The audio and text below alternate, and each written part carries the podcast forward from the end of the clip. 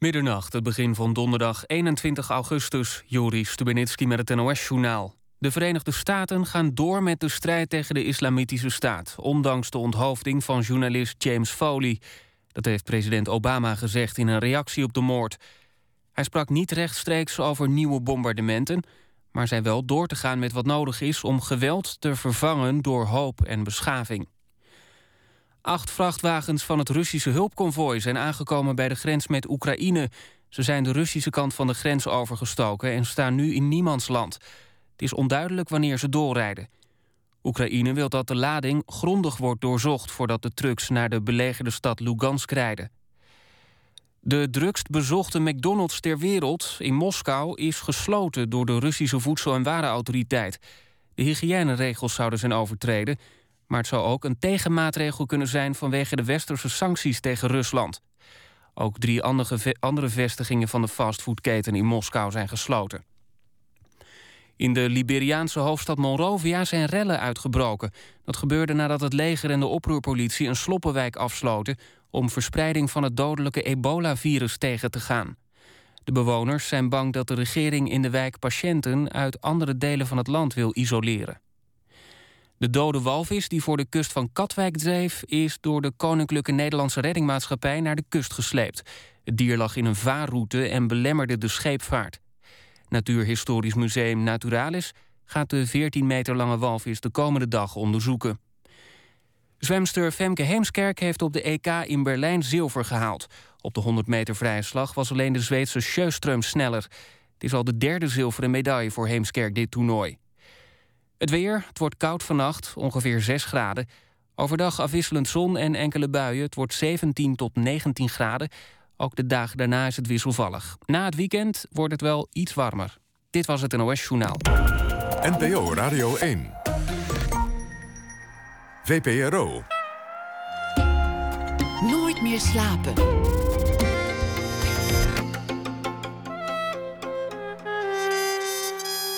Met Pieter van der Wielen.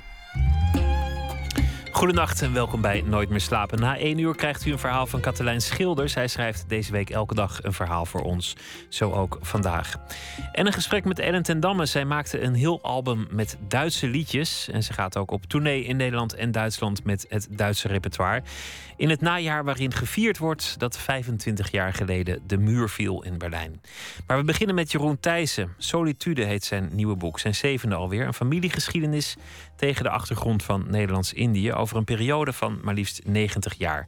Jeroen Thijssen is schrijver, was jarenlang culinair journalist, reisde door heel Nederland op zoek naar streekgerechten, door Frankrijk in het voetspoor van Asterix en Obelix. Had 15 jaar lang een zaterdagse culinaire rubriek in Trouw. Hij schrijft ook over andere interesses, uh, geschiedenis en literatuur. En uh, het roer is definitief om. Hij is uh, nu fulltime schrijver met zijn zevende boek, Een Indische familiegeschiedenis. Welkom, Jeroen Thijssen. Dank. Waarom eigenlijk? Waarom schrijf je? Hoe? Dat is een leuke binnenkomer. Um, ik denk eigenlijk uit behoefte aan autonomie. Uh, schrijven is iets wat je helemaal in je eentje doet. Waar je niemand verder voor nodig hebt. Uh, je maakt iets af en dan stuur je het naar je uitgever. En je uitgever zegt prachtig. Hoop je dan. En die geeft het uit. En voor de rest heb je het helemaal zelf in de hand. Dus op een dag dat het regent, zoals vandaag, dan hoef je ook eigenlijk de deur niet uit. Nee, dat is, dat is wel een nadeel hoor. Uh, een week lang niemand zien bijvoorbeeld, dat is toch uh, vervelend. Dus ook al regent het, ik ga nog wel even naar de markt en naar de bibliotheek. En ik bel wat vrienden en, en ik Facebook wat af wat dat betreft. Is het leuk schrijven? Geniet je van het proces? Um, nou, ja, als het eenmaal lukt wel. Maar de, de periode dat het niet lukt, zijn tamelijk pijnlijk. En uh, als, als ik een, een langere periode geschreven heb, dan zit ik er een beetje doorheen. En dan begint het ook weer een soort. Dan wordt het duwen. Uh, maar als alles vloeit, vloeit en alles gaat goed, ja, dan is het geweldig. De momenten dat de inspiratie aanwezig is, dat de zinnen blijven komen. Ja, dat, je, in, het, in het verhaal zit. Ja, dat het verhaal je meesleept en dat het vanzelf naar buiten komt. zonder dat je er eigenlijk over hoeft na te denken. En dat is, dat is het mooiste. Zevende boek is dit. Um, genoeg aanmoediging gehad. Uh, genomineerd uh, voor, voor, heel veel prijzen. Een aantal prijzen ook daadwerkelijk eh, gekregen. eentje. Ja. Eentje eh, voor het beste culinaire boek van 2000. Nee, het, het beste reisboek van Het 2010. beste reisboek van Ja, dat ging, 2010 eh, was dat. Eh, zelfs genomineerd voor de Libris. Ja, Voor, voor een bundel met eh, verhalen. kort verhalen, de, de, de, de longlist. Dat zijn genoeg aanmoedigingen van, nou ja, het zit er. Ga door met schrijven. Hou, hou dit vol. Ja, maar, Maar als je het daarvan moet hebben, dan eh, moet je geen schrijver worden. Want eh, de beloning van het schrijven is het schrijven zelf. Eh, het uitvoeren, het schrijven, ja, het schrijven zelf. Want je gaat zitten en je, je gaat schrijven. En dan komt het en dan lukt het. Dus je moet het dan- boek uitzwaaien, er niet naar omkijken. En, en, eh, Nou, ja, je moet op een gegeven moment wel afscheid nemen natuurlijk. Dat duurt even, want zoals nu, het boek is net uit. Eh, het, het ligt nu in verschillende boekhandels. Nou is het natuurlijk heel spannend wat ermee gaat gebeuren. En ehm, wordt het opgepikt en hoe wordt het besproken? En over een paar weken, een paar maanden, dan, eh, dan is dat allemaal wel weer weggezakt. Of misschien niet, je weet het niet. En dan wordt het tijd om weer aan nieuwe dingen te gaan werken. Het is een moedige keuze geweest om, om je fulltime toe te leggen op het schrijverschap. Ja, ja. Dus je, ja, bent, je, bent geen, slikken. Dat, eh, hè? je bent geen laffe man, kan ik daaruit concluderen. In, dit soort op, in deze opzichten niet in elk geval, nee. Ehm, ja, ik wil eigenlijk ook niet, niet niets anders. Ehm, ik ben 15 jaar met heel veel plezier culinair journalist geweest. En eh, eh, ik vind het nog steeds spijtig dat mijn rubriek ja, opgegeven werd. Vanwege allerhande bezuinigingen en moeilijkheden met de krant. Aan de andere kant, ja, Zoals die dingen gaan. ja, ja, zo, ja, de krant hebben het moeilijk. Dus eh, aan de andere kant, ja, misschien ook wel een teken dat het tijd wordt om hem echt fulltime op het schrijven te richten en eh, op dit boek en volgende boeken. Mensen denken altijd dat doemscenario's acuut en snel gebeuren. Dat is vaak ook zo. Maar sommige doemscenario's gebeuren langzaam en schrijnend. En, en misschien was dat doemscenario wel geweest als de krant niet had gezegd: we stoppen met die rubriek. Als je nog 15 jaar elke Nou, zaterdag. misschien had ik dan wel zelf afscheid genomen. Dat is natuurlijk altijd beter of leu- hè, fijner voor jezelf, beter voor je ego als je zelf dag kunt zeggen. De zachte landing. Ja, ja en eer aan jezelf houden. Net als heel, als een ver- een verkering het uitmaakt, eh, dat is niet fijn. En als je het, wel, als je het zelf uitmaakt, eh, ja, dan, dan heb je zelf je eigen lot in handen. Moet je tegen die verkering zeggen als het uitmaakt. Ik had het zelf willen uitmaken. Ik baal ervan dat jij het nou doet. Ja, dat kan. Ja, eh, ik weet het niet. Het lijkt me niet heel bevredigend. Maar je, je, eh, ik zal het volgende keer als het nodig is eh, eh, toepassen. Geboren in Haarlem, je woont al een lange tijd in, Ja. in Brabant. Ja. Ehm, je stamt zelf niet uit een Indische familie. Nee. Dit ten overvloede. Een schrijver verzint dingen, maar heel vaak is het zo dat iemand iets verzint wat, wat ergens iets met zijn achtergrond te maken heeft. Waar kwam jouw fascinatie voor Indië vandaan? Ja, die is eigenlijk al begonnen als, ehm, als kind. Eh, ik zat op een school met de Bijbel en eh, onze bovenmeester daar deed de geschiedenislessen. En die vertelde dan prachtige verhalen over vroeger. En ook over dat enorme land wat wij dan aan de andere kant van de aardbol hadden, ha- hadden gehad. En hoe we daar goed werk gedaan hadden door al die mensen het christendom bij te brengen. En, eh, nou, en ik vond het toen al prachtig, het idee dat, dat een Nederland, zo'n klein land als Nederland, want daar had ik goed besef van.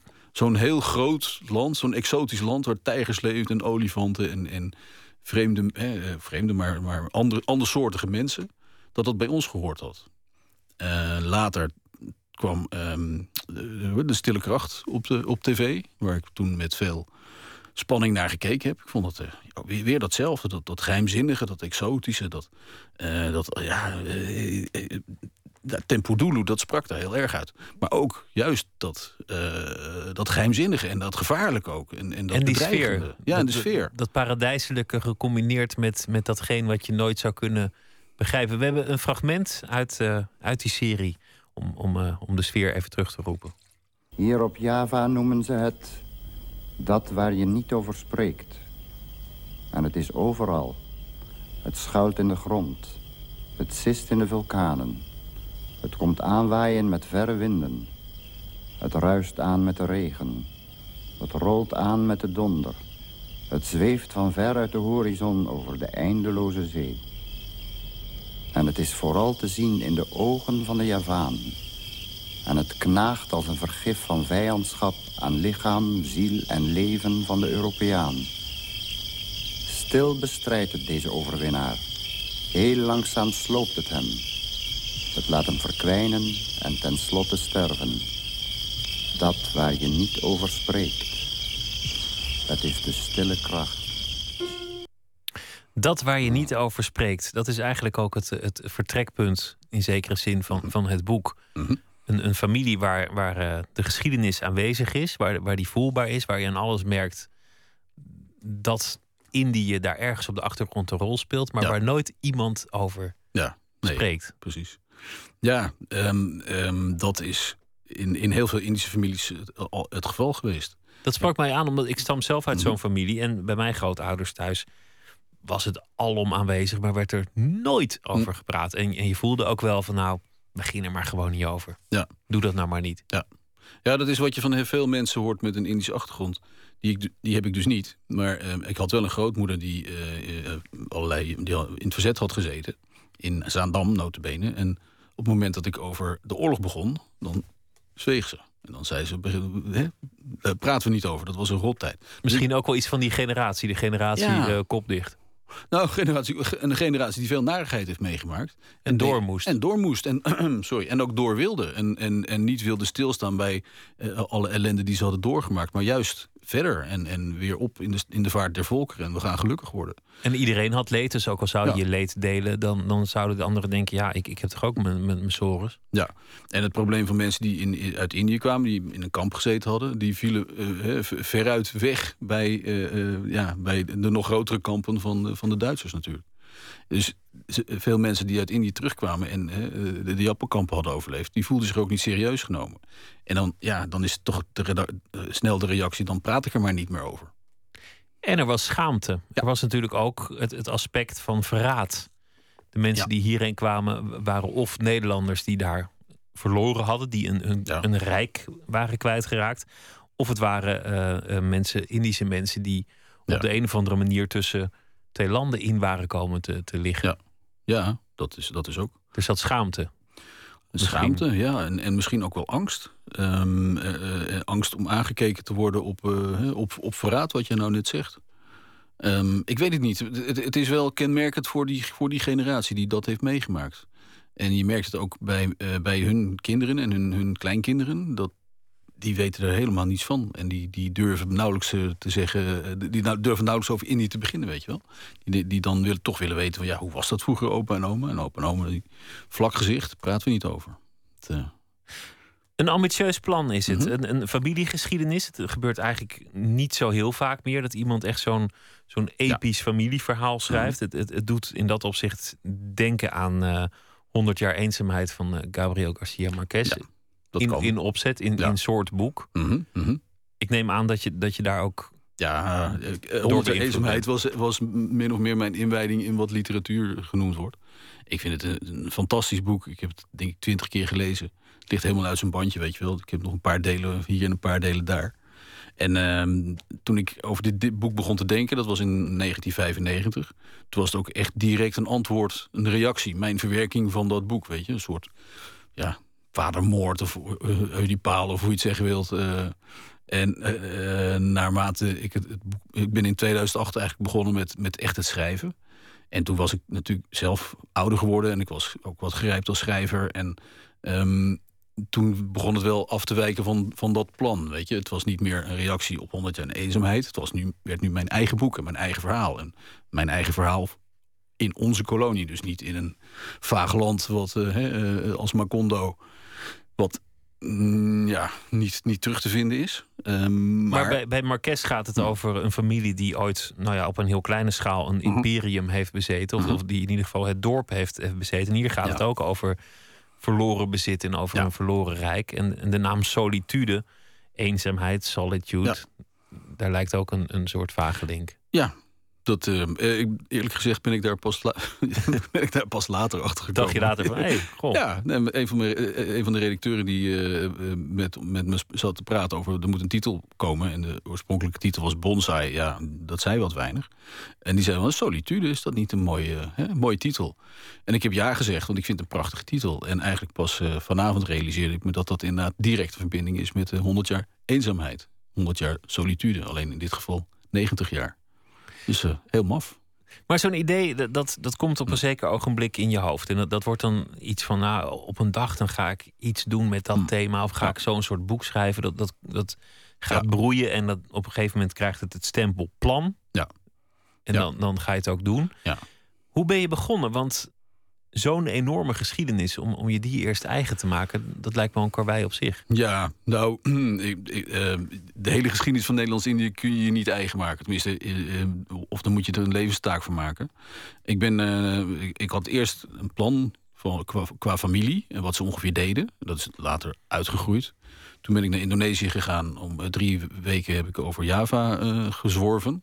Om te kijken hoe het er was. En je hebt natuurlijk, ik heb natuurlijk toch veel details nodig gehad om, een- om de sfeer te scheppen zoals die was. Dus hoe ruikt het en hoe klinkt het? En, en hè, komt een keer zo'n zo'n hele grote blauwe bij in voor. Een, een houtbij is dat. Echt een joekel. Echt zo, gro- zo groot als, als mijn hand, bij wijze van spreken. Nou, die heb ik daar gezien. En dat zijn details die, je dan, die ik dan goed kan gebruiken om het verhaal eh, ja, levensechtheid te geven. En toen ben ik thuisgekomen en toen, ehm, ja, nou ja, toen ben ik eens naar mijn plannetje gaan kijken. Want dat gebeurde, hier, hier gebeurt dat, hier gebeurt hier dat en hier gebeurt dat. Maar ja, dan zitten dus nog allerlei eh, tussenfases waarvan ik niet wist wat er moest gebeuren. Dus het is een heel eh, geworstel ge- geworden. Eh, zeven jaar heb ik erover gedaan. Dus ehm, dat is ook een, een bijbelse periode. En uiteindelijk dan komt het weer bij een eindredacteur terecht... en die zegt, ja, maar dit klopt niet en dat klopt niet. En dan komt het weer op mijn bordje en dan ga ik er weer aan zitten schaven... tot het wel klopt. En nu klopt alles. Ja, je nou is het klaar. Een hoop gedoe. Ja, je wil Ja. schrijven voor je autonomie. Je autonomie is, eh, moet je zwaar bevechten. Ja. Ik bedoel, Ja. er zijn weinig dingen waar je zo'n hoge prijs voor zult betalen in het leven als je autonomie. Ja. Dus dat heb je dan Ja. bij deze gedaan. Ik hoop het nog een poosje te blijven doen ook, eh, Ja. moet ik zeggen hoor. het moet je niet De- opgeven. de- het Bij- verlangen blijft. Bij Couperus ehm, is het een land waar- waar je van voelt dat die, die Nederlanders die daar het enorme rijk hebben. Nou ja, kijk naar de kaart. Dat kleine Nederland, Mhm. dat, dat gigantische Indische rijk. Mhm. Dat klopt eigenlijk al niet. Maar bij Couperus wordt zo mooi neergezet dat ze er eigenlijk niks te zoeken hebben. Ja. Ja, Dat, dat dat, is- iets wat ik in jouw boek ook heel erg proef. Het was ook wel mijn bedoeling om er zoiets in te brengen. Ehm, ik, er, er zijn natuurlijk wel boeken verschenen over Nederlands-Indië. dat- Maar dat zijn altijd allemaal een soort hè, Tempo Dulu boeken. Nostalgie. Nostalgie. En, en kijk Hoe leuk goed het was. ja, hoe, hoe, hoe, mooi het was. En we hadden bedienden en, en, en, en weilanden en rivieren en dat soort dingen. Exotische dieren, apen als Exotische huisdieren. dieren, ja. Nou, en ik, eh, dat, is- dat is meest van mensen die er als kind zijn opgegroeid en daarna naar Nederland gekomen. En ja, ik kan me voorstellen als je hier in dit dit koude met je, met je voeten hier in de sloot staat, dat je dan gaat dromen van zo'n warm eh, Indisch riviertje en eh, met een waterbuffel erin. Alleen eh, de bedienden van, eh, van al die blanken die daar zaten, die dachten daar heel anders over. En er gebeurde ook wel, er waren ook wel opstandjes en er waren ook eh, wrijvingen en strubbelingen. En dat probeerden ze, de, de Nederlanders probeerden dat dan zoveel mogelijk, ja, of te negeren of te onderdrukken natuurlijk, zoals de regering dat dan moest doen. Ehm, ik heb wel geprobeerd om die spanning eh, erin terug te brengen. En ook eh, door te laten schemeren dat, ehm, dat het Tempodulu maar voor een heel beperkte groep was. En dat er wel degelijk ook eh, mensen waren die daar niet aan deelnamen. En als je in een ver land bent, in een, in een klimaat dat jou eigenlijk niet gunstig gezind is, omdat je er niet aan gewend bent, Mhm. in een omgeving waar je, waar je los bent van je gebruikelijke ehm, Mhm. groep, Ja. raken mensen ook moreel ontheemd. Ja. Je, je bent je morele anker kwijt. Ja. Het wordt moeilijk, ook al ben je van goede wil, om, om jezelf te gedragen. Want je zou niet eens weten hoe het moet, zeker Nee. als je jong bent. Nee, de- de- eh, vroeger werden jongens die eh, zich hadden misdragen ook naar de oost gestuurd om eh, hun wilde haren kwijt te raken. En dan konden ze terugkomen naar Nederland om een eh, gezinnetje te stichten en steunpilaren van de maatschappij te worden. De Indische maatschappij was veel vrijer dan de, dan de, de, geleid- de, de, de, de contemporaine in Nederland. In, in Indië kon bijna alles. En in Nederland bepaald niet. Ehm, als je als min of meer alleenheerser op een plantage als blanke zit, ja, dan, dan, dan moet je inderdaad van, van ijzersterke morele eh, eh, kracht, van een ijzersterke morele kracht hebben om niet uit te spatten. En, en de meisjes, daar is ook veel over geschreven. Mhm. De, de, de aantrekkingskracht daarvan. Ja. En het is, moet wel zeggen van eh, het was voor, want eh, wij bes- beschouwen dat natuurlijk meteen als eh, uitbuiting, wat het ook was hoor, dat, dat zal ik niet ontkennen. Maar voor die meisjes was een, een, een blanke man, heel, al waren ze niet getrouwd, wel een grote stap omhoog op de sociale ladder. Dus het kwam wel van twee kanten. Het systeem was verderfelijk. Hè, en de blanken hadden het meest plezier ervan, of het meeste voordeel. Maar er zat binnen, die, binnen zo'n gemeenschap zat ook allerlei beweging omhoog en omlaag. En die families, die, die Indische families, die, die verkleurde ook mhm. langzaam. Daar, daar, werd dan over gezwegen, maar dan eigenlijk. Er zat nog ergens een oma die uh, toch net een ander kleurtje had. Ja, dan had hij wel net een ander kleurtje of was toch iets kleiner. En er werd dan verder ook niet al te veel over gepraat. En dan kregen die weer kinderen, dus dan, dan, dan vermengt dat zich wel ja. weer. Ja, maar je had ook eh, heel veel blanke mannen hadden, hadden een njai, een, een, Indonesische bijzit... die eigenlijk fungeerde als huisvrouw. En dus hadden ze ook kinderen bij. Sommigen trouwden er ook mee. Je hebt Willem Walraven, dat was een, voor de oorlog een, uh, ja, een vrij linkse man... die uh, in dienst weer was van een suikermaatschappij. En die is getrouwd met zijn njai en heeft daar ook kinderen bij gekregen. Er, er, is, er, is, een boek verschenen, De Njai, onlangs, of een paar jaar geleden... van een Nederlandse historicus...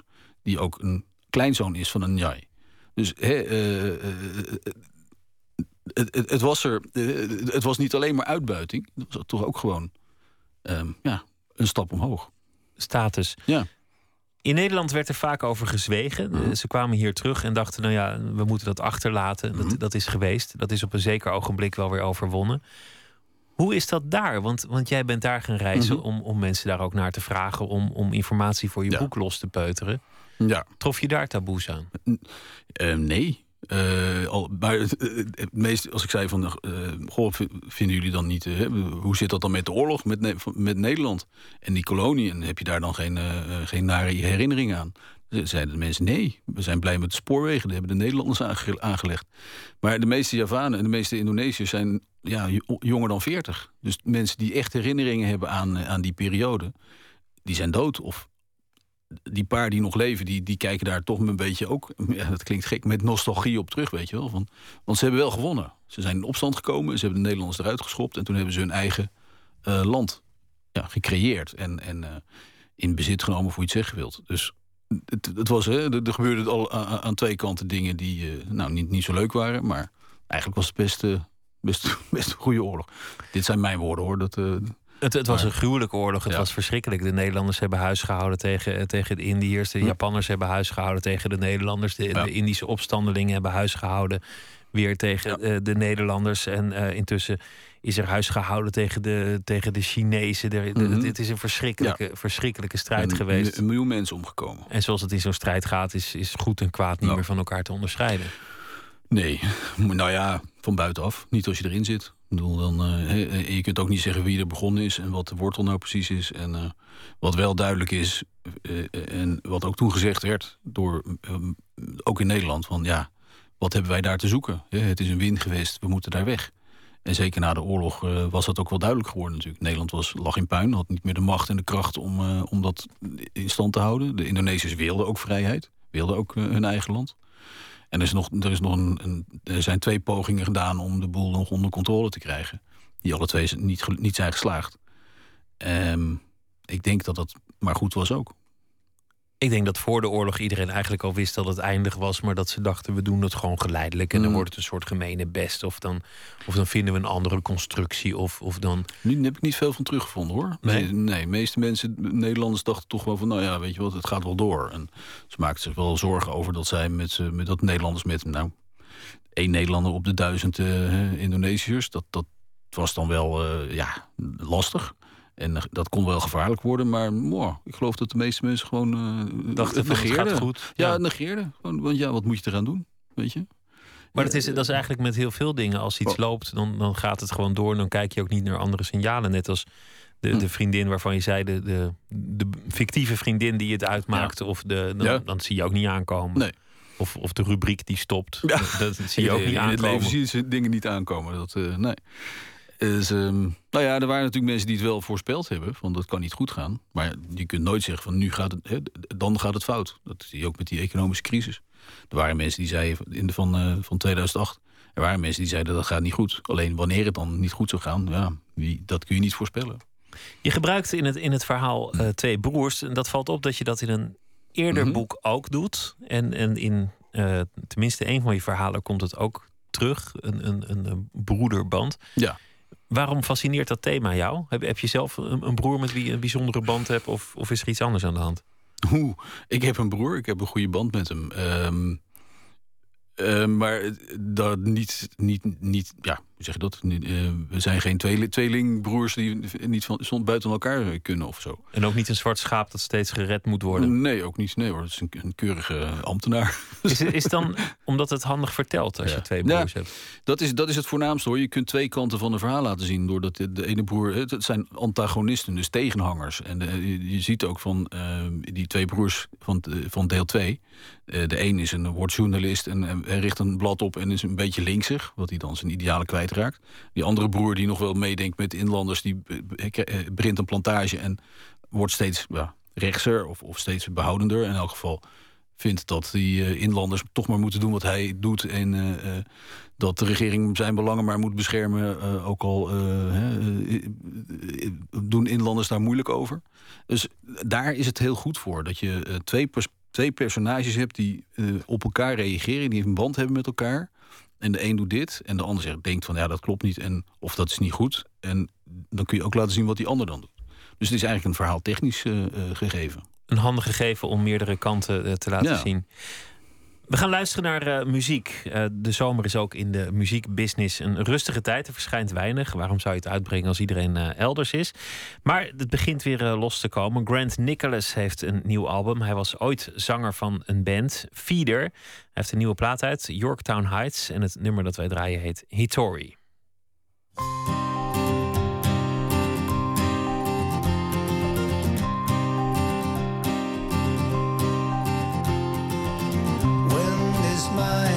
Between us. Stop running, let's keep this love alive.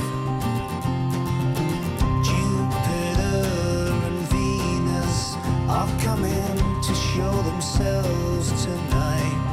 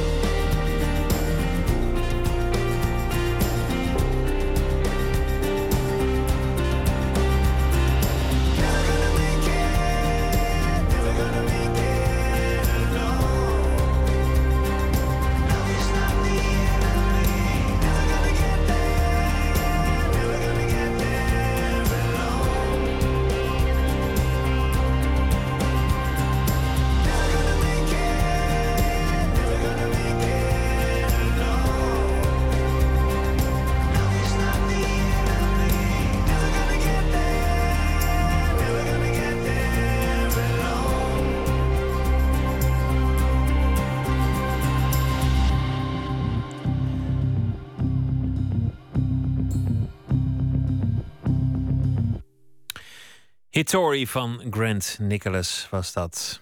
U luistert naar Nooit meer slapen in gesprek met Jeroen Thijssen. Hij heeft een, eh, een boek geschreven, Solitude, een Indische familiegeschiedenis. Je hebt het eigenlijk een beetje achter je gelaten, maar ik wil het er toch over hebben. De periode, mhm. eh, een lange tijd in jouw leven als culinair journalist. Ja. Ehm, een van de dingen die je hebt gedaan is heel Nederland afreizen, alle uh, regio's af, alle dorpjes, alle kleine oh, restaurantjes op zoek naar regionale gerechten. Uh, ja, dat heb was, was, dat, was dat straf? Had je iemand beledigd? Was er een hoofdredacteur die zei van... nou, ik, ik ben zo zat met die Thijs... en nu ga jij nee, alle regionale gerechten van Nederland af? ik, heb, nou, ik heb ze niet allemaal geproefd, hoor. Want er zijn er veel meer dan je denkt. Nee, dat is, ik vind dat feest. Ik vind dat heerlijk. Maar de, de uh, Nederlandse keuken heeft internationaal niet de reputatie dat het nee, feest is. Nee, Nee, dat is zo. En um, deels terecht. Uh, maar dat, is ook deels, dat komt eigenlijk gewoon ook omdat de Nederlander niet wil betalen voor zijn eten. Uh, we zitten hier op een, uh, diep, ongeveer de goedkoopste levensmiddelen van heel, heel Europa. en als het maar een centje omhoog gaat, dan begint iedereen te klagen van oh, oh het wordt zo duur. Ja, dat, dat, dat heeft zijn weerslag in de kwaliteit. En dat, datzelfde geldt voor uit eten gaan, of dat gold in elk geval. Uh, we hebben een aantal toprestaurants, en die, dat is echt de top. En ja, dan heb je uh, een aantal eetcafés waar je vaak heel, uh, voor heel weinig geld toch heel aardig kunt eten. Maar het is vooral de midden, middensegment waar, wat is, ja, hoe zal ik het zeggen?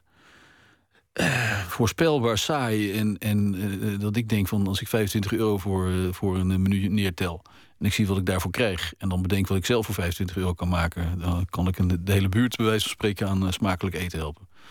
Uh, ik denk dat de ja, Nederlanders en eten is niet een heel, was nooit een heel uh, bijzondere combinatie. Tenminste, van de, sinds de jaren 50.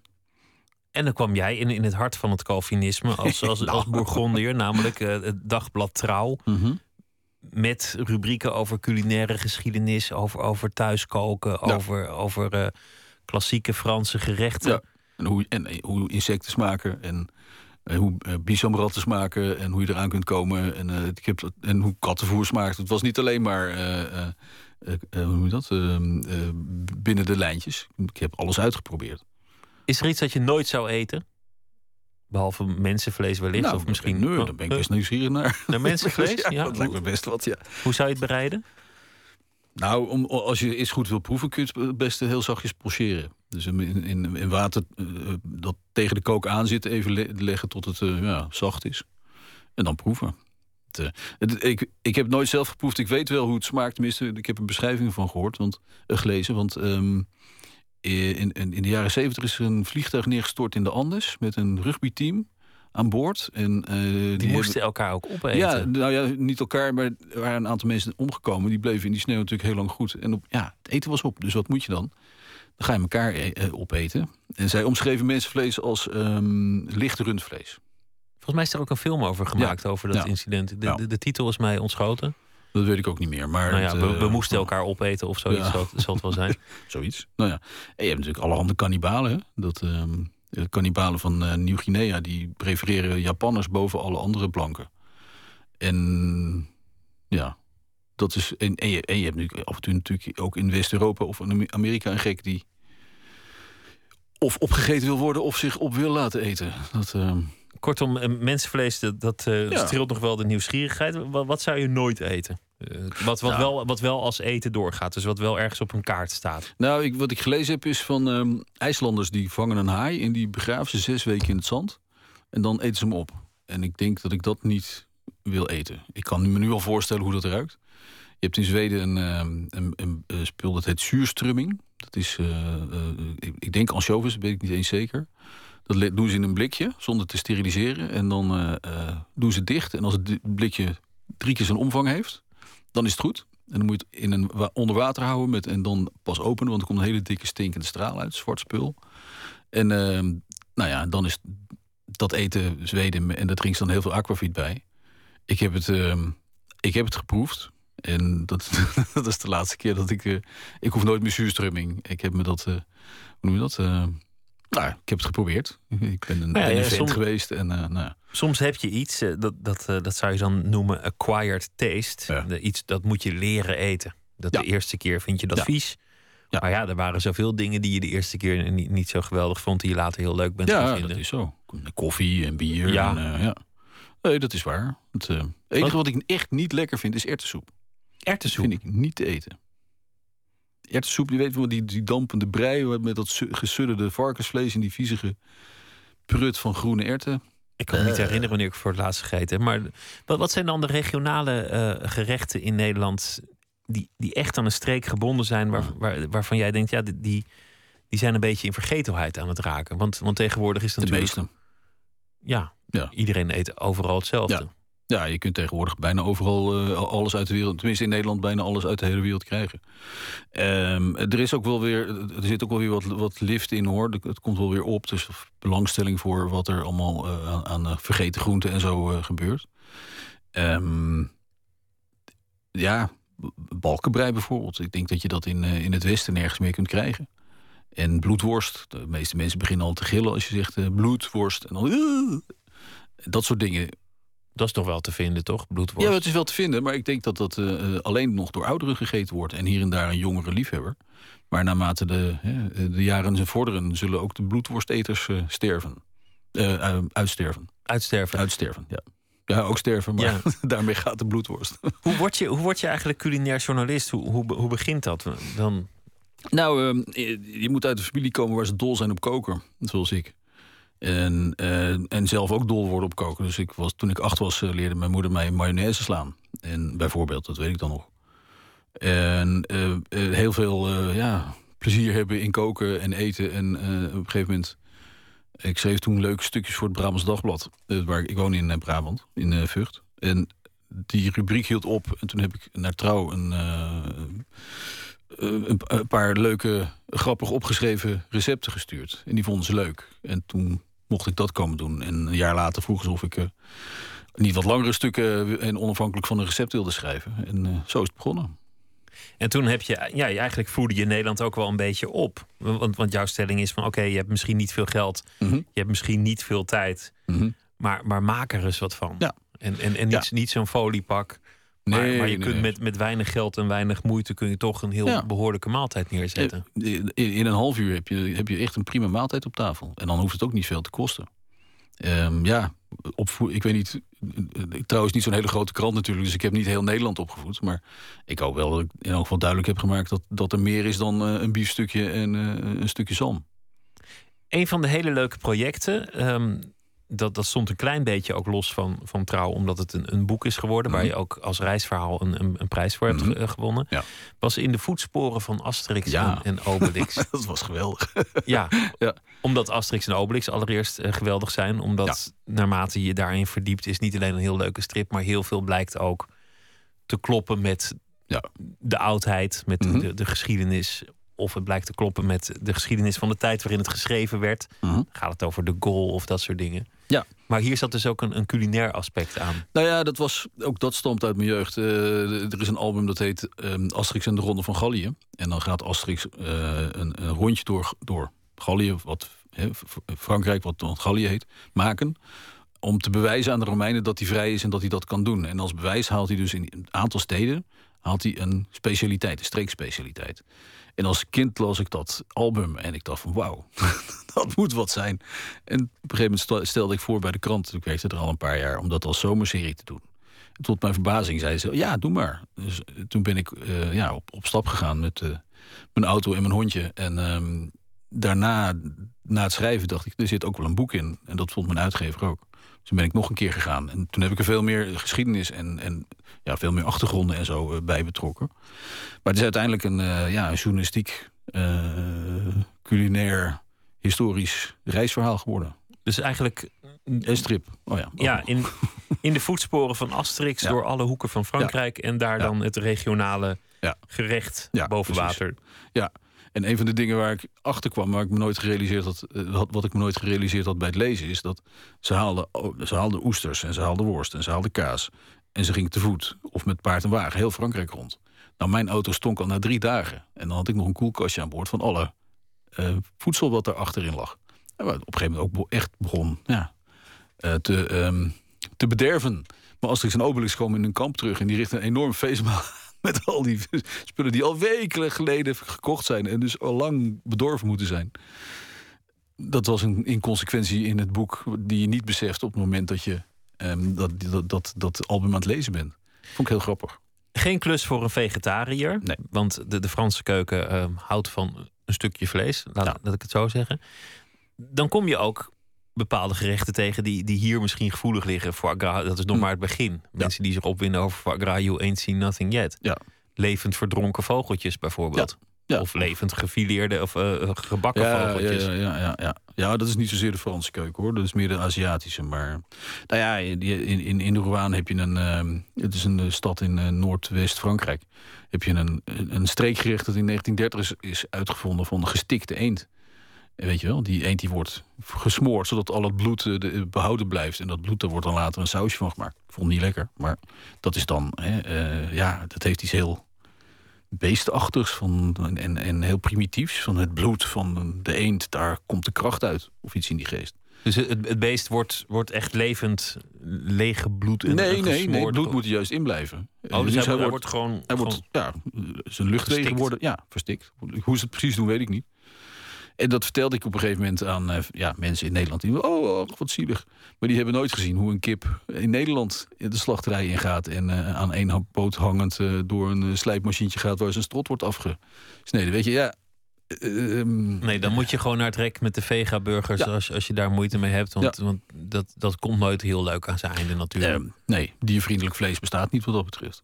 Het is toch ook zo dat als je dat eet, dat je naam in een boek komt. Eh, dat, dat heb je bij sommige restaurants. Dat, dat is. Hmm. Dat, Die, dat, van die dat, eend? dat die eentjes genummerd worden, dat het een Ja, heel bijzonder ja, ja. ritueel is. Ja, ze hebben er ook. Je, je, hebt, je hebt een speciale opleiding voor het bereiden van, eh, van ehm, eh, dat gerecht. Dus, en er is een soort ridderschap omheen met, met allemaal toga's en, en, en baretten. En dan gaan ze één keer per jaar gaan ze het festival van de gesmoorde eend vieren. Ja. Mensen doen rare dingen. 15 jaar lang alle hoeken van, van, eh, van het land en, en van Hm. andere landen gezien op zoek naar een bijzonder soort mail. Of je kan het zo gek niet bedenken. Ja. Ehm, je hebt het achter je gelaten. Mhm. Nu de literatuur, zou je niet een, een eetroman willen schrijven uiteindelijk? Lijkt me moeilijk. Ehm, dat is net zoiets als, een, als, een, als porno. Hè? Eh, eh, literatuur bestaat uit dingen die niet laat zien, maar suggereert. En als je het over eten gaat hebben, ja, weet je, dan gaat het over het eten. Dus dan moet je dat wel laten zien. Dus met porno, en, en het verschil tussen porno en ero- erotiek is erotiek is suggestie en porno is laten zien. Dus, en er moet, er moet een verhaal in. eh, eh, oh, ja. Ja, eh, aan de andere kant, het parfum is ook geschreven over geuren van, eh ehm, hoe heet die, Suskind. En dus dat, als dat kan, dan kan er ook een roman over eten komen. Nee, en als je, als je iets moet, eh, moet vermijden, is het eetporno natuurlijk. Ja, Eh, ja. Van, van, van die foto's van gerechten. ja, ja, Dat- ja, ja, ja. We gaan weer luisteren naar eh, muziek van Jenny Lewis, Amerikaanse zangeres. Zij heeft een nieuw album uit met de titel Voyager. Just One of the Guys is het nummer dat we draaien.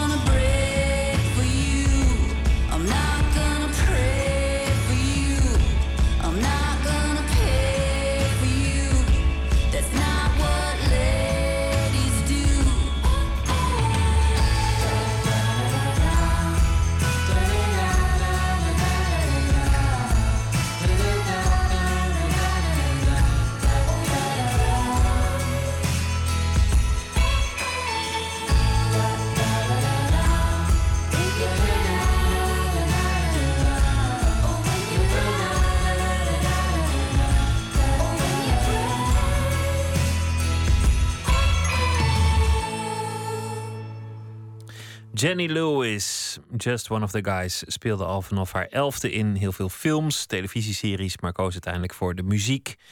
En eh, dit was het resultaat ervan, Just One of the Guys. Jeroen Thijssen, we hadden het eh, net over je boek Solitude. We hebben het gehad over, ehm, over je werk als culinair journalist en alle, alle reizen die daarmee samenhangen.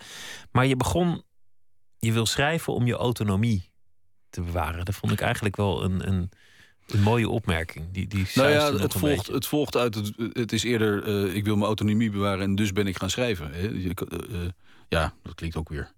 Ik, ik ben een lezer geweest vanaf het moment dat ik kon lezen. Eh, ik, ik, ik, ik vrat boeken, bij wijze van spreken. Ehm, en ik heb die behoefte aan onafhankelijkheid en, niet- en, en hè, alles zelf in de hand houden en zelf zorgen eh, dat het gebeurt. En dat kan met schrijven. En je eigen, je eigen passies en interesses volgen. Ook. Ja, je kunt er ongeveer alles in verwerken wat je wilt. En ehm, nou ja, eh, ik ben ehm, gemankeerd historicus. Ik moet nog een keertje afstuderen of een keer mijn scriptie schrijven. Dus dat vind je ook wel terug in dit boek over Indonesië natuurlijk. Of eh, sorry, over Nederlands-Indië natuurlijk. Je hebt, eh, je hebt een, zeven boeken geschreven. Mhm. Dat zijn eigenlijk de thema's die, die terugkomen. Is, is het culinaire reisverhaal, veel romans en, en ook één historisch boek. Ja. Of dan is een, een, Ja. Eh, over, Ja. over de Tweede Wereldoorlog. Dat is dan waarschijnlijk ook je, je, je best verkochte boek. ja, inderdaad. Hoe raad je het zo? Ja, daar zijn er dat is, 5000 van eh, verkocht. Ja. Dus eh, die, dat is niet heel veel. Maar voor Nou. mij wel is dat wel heel, eh, heel aardig, ja. Hm. Het is ook een prachtig verhaal hoor. Eh, het gaat over een onderduikerskamp op de Veluwe. Waar in twee jaar tijd ongeveer 100 mensen ondergedoken hebben gezeten in hutten en, eh, en ondergronds, dus ondergrondse hutten en van die, van die eh, ja, werkmanswagens, weet je wel, een soort eh, eh, ja, keten, van die rollende keten. En die werden dus, iedereen daar in de buurt wist ervan. En ze werden stilzwijgend bevoorraad door allerlei mensen. En eh, eh, op een gegeven moment is het kamp ontdekt en zijn al die mensen gevlucht. Maar ja, wel eh, bijna allemaal de oorlog overleefd. Dat was eigenlijk ook vaak de kracht van, jou, van jouw culinaire stukken. Dat het al lang niet meer over eten ging. Het ging, het ging over, over beschaving, over geschiedenis, over mentaliteit. Mm. Nou, je, had, je had die rubriek prima kunnen, kunnen schrijven zonder ooit het woord eten of, of één voedingswaarde erin te gebruiken. Ja, waarschijnlijk was dan alsnog de hoofdredacteur van Trouw naar je toegekomen. Maar Waarschijnlijk wel, ja. Het was de bedoeling dat ik over eten schreef. ja, dat is misschien een beetje formatbreuk. Ja. Maar ja, dat had dat, dat zou moeten, moeten kunnen. Ja, ik, dat, dat- het lijkt me heel mooi om een, een algemene eh, column te schrijven over dat soort dingen. Maar nou ja, de krant gaat slecht, hè. dus het zal nog wel even duren voordat ze me daarvoor vragen. Ja, nee, kranten, kranten maken water. En eh, dan, dan ontstaat er paniek en dan moet Hm. alles anders. Dat, dat, eh, dat is helemaal niet erg. Nee. Waren, waren we net eens geworden. Zit, zit dat er nog in, een, een eh, geschiedenisboek, maar dan niet fictie? Ja. Om, om gewoon, gewoon een, een vol, volledig geschiedenisboek. Ja, dat zit er nog wel in. Ehm, ehm, wanneer, ik weet nog niet wanneer, maar ik ben wel van plan om echt ook over geschiedenis te gaan schrijven. Er is bijvoorbeeld een onderwerp eh, wat mij erg aanspreekt. Dat was in mijn studie al. Het heet Middernachtzending. En dat was in de 19e eeuw... ehm, had je wat ze noemen het burgerlijk beschavingsoffensief. De nette mensen gingen de arbeiders opvoeden. En een, deel de, een, een, een bijzonder onderdeel daarvan was de eh, bond tegen de prostitutie. En een bijzonder onderdeel daarvan weer was eh, de middernachtzending. En de middernachtzending waren mannen die zich richten op de mannen. Dus die gingen s'nachts voor een bordeel staan en zeiden tegen de klanten... broeder, ga hier niet binnen, want hier woont de duivel. Nou, ook in die tijd waren soeteneurs en zo niet, niet, het, niet, niet het mooiste volk, laat het zo maar zeggen. Dus die middernachtszendelingen werden dan in elkaar geslagen... en in de gracht gemieterd en, en van alles en nog wat. En de volgende dag, nacht stonden ze er weer. Nou, dat is een heel vrije geschiedenis, want het is eh, eh, natuurlijk deels bedoeld om de prostitutie de wereld uit te, te bannen. Maar het was voor hun ook een hele goede manier om sociaal te stijgen. Bijvoorbeeld een van die, ze noemden zichzelf eh, werklieden. Maar een van die werklieden is op een gegeven moment wel getrouwd met een, eh ehm, hoe heet nou, een, ehm, een. Nee, niet een Van Landschot, maar zo'n- in zo'n bankiersfamilie getrouwd. Nou, dat is toch heel aardig voor een, eh, voor een beginnend Dus, dus ook een manier om jezelf eh, Ja. maatschappelijk omhoog te werken. In, in beide dingen zit eigenlijk een, een optimisme, namelijk je eigen lot verbeteren, maar ook, Ja. ook de mensheid verbeteren.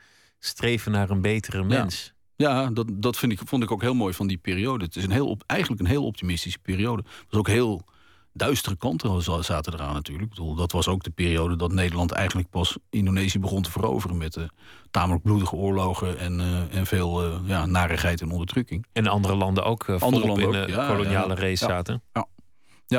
Ehm, Duitsland die, die probeerde om eh, eh, in Afrika voet aan de, bodem- aan de grond te krijgen... want die wilden ook koloniën, want die waren tenslotte ook een groot rijk. Nou, Engeland en Frankrijk die regelmatig op het punt stonden... om elkaar naar de strot te vliegen vanwege Afrika. En, eh, ehm, maar, ook, maar ook in eh, de opkomst van dingen als eh, de Vegetarische Bond. En eh, de mevrouw Blavatsky met... ehm, eh, hoe, hoe heette dat ook weer? Eh, ehm, nou, in elk geval, die geloofden in spoken en geesten... en die gingen wetenschappelijk laten zien dat dat bestond. En dan dat, eh, hadden ze- hadden ze een medium en daar kwam dan ectoplasma uit. En dat ectoplasma, dat was dan de verschijning van een geest. en die geest die sprak dan, weet je wel. Maar het is, het is de periode die ook in, Ja. je, in je boek op de achtergrond speelt. eh, Ja, waar we het over hadden. Van, ja. zo- Zo'n zo'n klein landje dat zo'n enorm rijk had. Je zou ook kunnen beweren dat Europa Mhm. op dat moment in de wereld het centrum was van de kunst, van, van de vooruitgang, van, van, eh, van de macht, van het Ja. geld. En eigenlijk heeft Europa zichzelf met twee waanzinnige oorlogen van de Ja. eerste plek op het wereldtoneel afgestoten. Niet, Nou, dat, ik- niet dat zo'n eerste plek zo belangrijk is, maar on- onderweg zijn we misschien wel dat optimisme verloren in, in dat een betere mens mogelijk is of een betere wereld. Weet ik niet, de jaren 60 en 70 waren natuurlijk ook heel, op- heel optimistisch.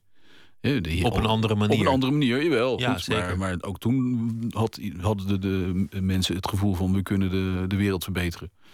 En daarna is de klad er een beetje ingekomen. Maar, en eh, ik weet niet of die twee, twee oorlogen nou de reden waren... dat, Nederland, pardon, dat Europa die, die, die eh, positie is kwijtgeraakt. Want Amerika was aan het opkomen... en dat, dat kon Europa natuurlijk nooit tegenhouden. Dat was ook gebeurd als zonder Tweede Wereldoorlog. Een fascinerende tijd in Mhm, ieder geval. En, en een tijd Ja. met, met alvast een, een paar mooie verhalen waar je in zou kunnen duiken. Ja, dat, dat, eh, dat klinkt. Ja, ik heb ook nog wel eens het plan gehad om, alle, om, al onze om, in, om in al onze voormalige koloniën een, eh, een roman te situeren. Dus ook Formosa en Ceylon en eh, Suriname uiteraard. En, eh, en de eilanden in de Cara- Caraïben. Maar dat is wel een twintigjarige plan, denk ik. Plannen genoeg. Een, een man die zijn autonomie bevecht door achter zijn passies aan te rennen. En soms met wind in de rug en soms met, Mhm. met wind tegen. Maar. Je gaat, je gaat in ieder geval je, ja, je gaat moedig door. Mhm. En onverschrokken. Ja. En, en onverschrokken. ja. En, en op een zeker ogenblik, dan, dan ben je ook al voorbij de leeftijd dat je, dat je nog moet vrezen voor, voor, die, voor die baan waar je altijd zo bang voor was.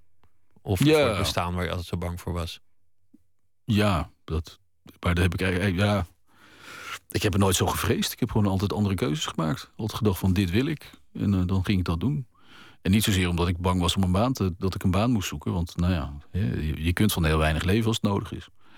En ja, het is meer de, hang, de, de echt, die, die neiging om mijn eigen lot te bepalen... Die, dan dat ik bang ben om, eh, om geregeerd te worden of zo. Wil dat natuurlijk Dat twee kanten van één medaille zijn. Maar Ik wens je heel veel eh, succes. En ook met het eh, boek Solitude, een Indische familiegeschiedenis. Jeroen Thijssen, dank je wel. graag gedaan. We sluiten dit uur af met een uh, nummer uit 1969 van Joe Tex. Hij was de rivaal van James Brown in der tijd. En uh, bijna net zo goed. Het nummer heet Buying a Book. I saw this old man with this young girl the other night. I walked over to him and pulled him off on the side and I said, Pops, what are you trying to prove? I said, I've seen you out here every night this week with a different young girl wrapped around your arm. I said, you can't keep this pace up. Uh, because these young girls, oh, they'll certainly get you down. He said, son, sit down here. Let me tell you something. He said, all my life I've worked hard uh, and I've saved up me a little money. He said, but just about the time I got me a nest egg saved, I became a widow man. He says, I'm 72 going on 73 years old and don't have too many more years to live. He said, I know that I should be ashamed of myself. But he said, young girls is my weakness. Oh, yes, they are. he said, so would you please leave this old gray-haired man alone? Mind your business. let me and this young girl have us a little bit of fun. That's when I looked at him and I said, I said, all right, Pops, you got her. But listen, here's all you're doing. Oh, yes. Oh, yes.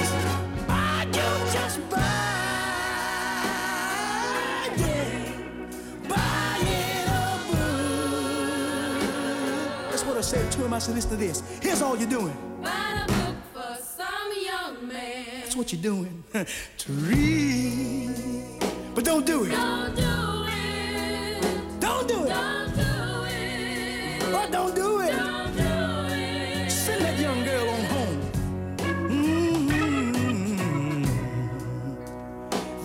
was this middle-aged woman whose name I dare not call. Simply because you out there listening just might know who this woman is. But I can tell you this much. The woman lives right here in your town. I know you didn't know that, did you? I saw this woman with this young man in the broad open daytime the other day. I said, Miss Lady, you ought to be ashamed of yourself riding around with this young man all hugged up like this here. She said, son or son, you're dipping in my business. But if you want to know why I fool with this young man, I'll tell you. She said, I was married to a man 40 years old, and I was. Since for a long time, I was true and faithful to that one man. Since last year, he died and willed me a whole lot of money. And I know that that young man sitting in my car just whoops me for my money. she said, but if that's what it takes to keep the young fine thing, oh, he can get every single dime. Because it ain't nothing an old man can do for me but show me which way a young man went. oh, oh, oh, here's what I said. I said, you are just by. Yeah, that's all you're doing. That's what I told her. Listen, Miss Lady, here's all you're doing. Buying a book for some young girl. You ought to quit it. to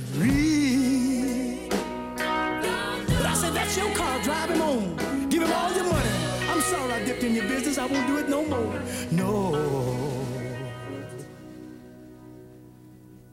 Joe Tex, Buying a Book uit 1969 was dat. Zometeen in Nooit meer slapen krijgt u een verhaal van Katelijne Schilder... die deze week elke dag een verhaal voor ons schrijft...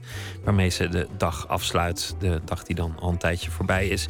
En eh, we gaan het hebben over Autopia. Dat is een eh, experiment waarin twee twintigers zichzelf opsluiten... althans één twintiger, één dertiger, in het verzorgingshuis... om vast te kijken hoe het is om eh, oud te zijn. En we gaan het ook hebben over een Nederlandse speelfilm... die het heeft geschopt tot de filmfestivals van Venetië. Althans het uh, parallelfestival Venice Days. En een gesprek met Ellen ten Damme over haar uh, Duitsstalige cd en tournee. Dat allemaal zometeen. Twitter, het VPRO NMS. Of via de mail nooitmeerslapen.vpro.nl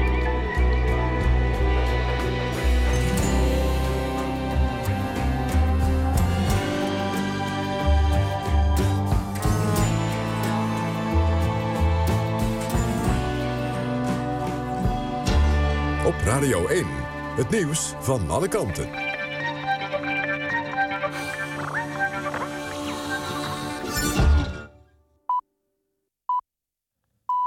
1 uur, Joris Stubenitski met het NOS-journaal. De Verenigde Staten waarschuwen landen met F-16's voor mogelijke scheurtjes in de gevechtsvliegtuigen.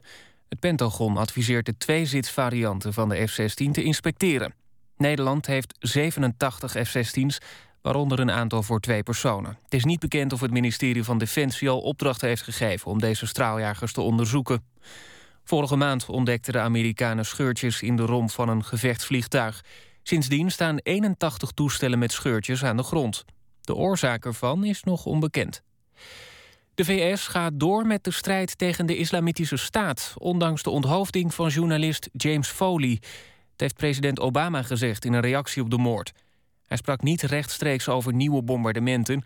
maar zei wel door te gaan met wat nodig is... om geweld te vervangen door hoop en beschaving. Acht vrachtwagens van het Russische hulpconvooi zijn aangekomen bij de grens met Oekraïne. Ze zijn de Russische kant van de grens overgestoken en staan nu in niemands land.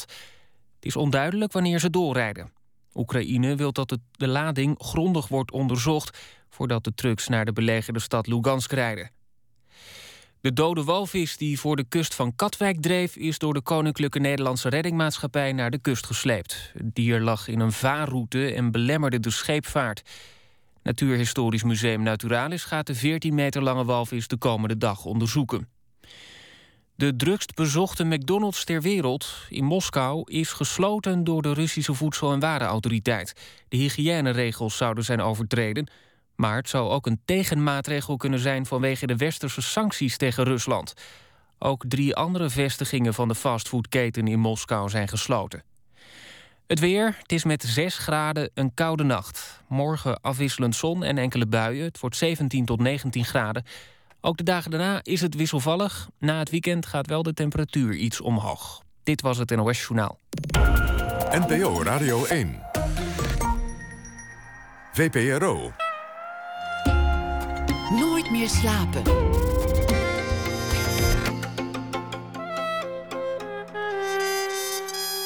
Met Pieter van der Wielen. Katelijne Schilder is schrijfdocent en ze is ook schrijver van korte verhalen en twee romans, De Eén Ding en Eerst een Huis. En deze week schrijft zij voor ons elke dag een verhaal op basis van iets dat die dag is gebeurd. En dat uh, draagt ze even na ene voor. Katelijne Schilder, goeienacht. Dag Pieter. Wat uh, was het vandaag voor dag? Uh, nou, vanmorgen las ik een bericht wat me al een tijdje fascineerde. En vandaag is het dus opnieuw in het, in het nieuws. Want vandaag heeft het College van de Rechten van de Mens bepaald... dat Reaal, de verzekeringsmaatschappij, heeft gediscrimineerd. En wat is er aan de hand? Een meisje van tien, ik meen van Turkse afkomst, werd aangereden... en liep hersenletsel op bij het ongeluk. En kan dus de rest van haar leven niet werken.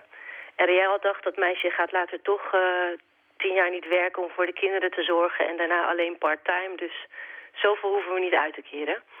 En, uh, en die letselschadespecialist van Riaal is zelfs naar de basisschool van het meisje in Den Haag gegaan. En daar werden CITO-uitslagen doorgenomen, leerkrachten werden bevraagd over welke verwachtingen zij hadden van de vervolgstudie van het meisje. En die zeiden nou VMBO en daarna een baantje als cashier bij de Albert Heijn of kapster. En daar is vervolgens dat bedrag op gebaseerd. Dat vond ik vorig jaar was die uitspraak. Toen vond ik het al ongelooflijk bizar. Maar gelukkig heeft het Hof nu bepaald dat dit niet mag.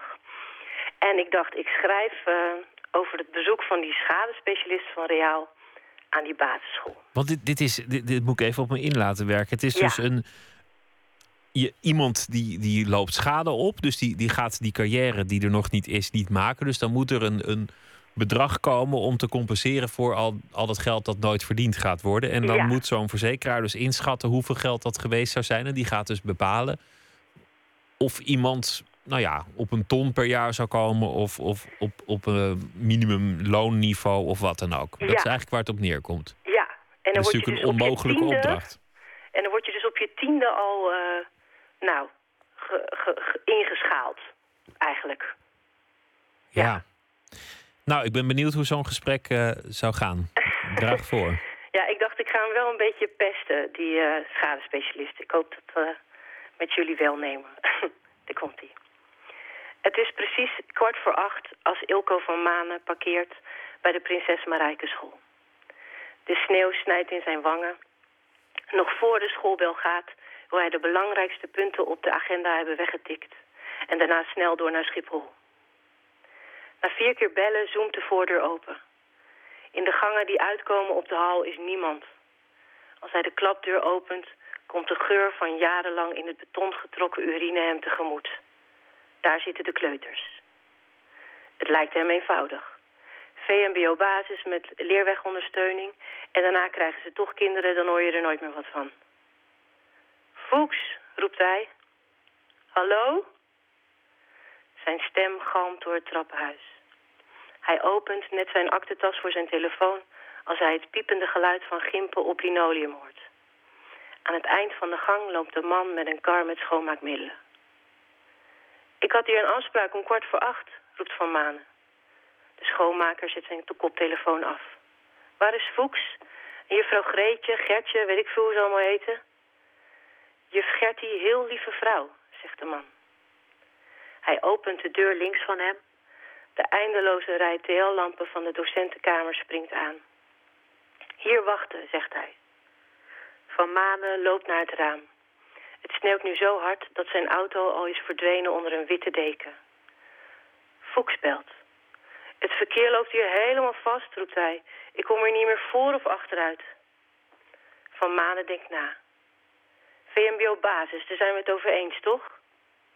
Ben je er nog, Van Manen? roept Fuchs. Van Manen herhaalt wat hij net zei. Je valt helemaal weg, roept Fuchs. Ben er zo snel mogelijk. Ik gok over een uurtje. Tot zover. Zo, ja. Wat, wat een beroep. Maar ik, ik- ja, ik, ik, ik zou ook niet weten hoe zo'n man het wel zou, zou moeten doen. Hoe je ooit kunt bepalen wat iemand die nooit zal werken had kunnen verdienen. als er niet dat ongeluk was gebeurd. Ja, wat een ramp, hè, dat we over dat soort dingen o- eh, na moeten denken. Ja, En eh, ik denk ook niet dat je eruit komt. Maar wat Reaal hier gedaan heeft, is dus wel echt officieel heel erg fout.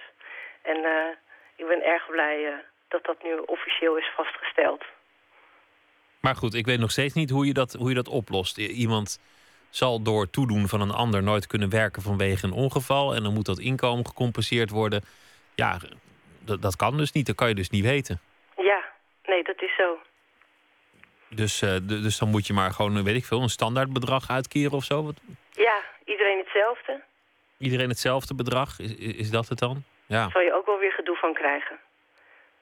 ja ik, vind, Maar- ik vind dat soort, dat soort dingen altijd wonderlijk. Dat doet me ook denken aan de prijs van een mensenleven. Hè. Er er zijn ook heel Ja. veel mensen die daar professioneel mee bezig zijn. Wat eigenlijk een mensenleven mag kosten als het gaat om behandeling... of als het gaat om de aanschaf van kogelvrije vesten... of ontwikkelingshulp of Ja, campagnes. En dan, dan blijkt ook dat ieders leven niet hetzelfde waard is. ja, En, en bij, bij Afrikaanse gijzelaars las ik van de week in, in de krant... Dan, dan zit je toch op 13.000 euro voor een mensenleven.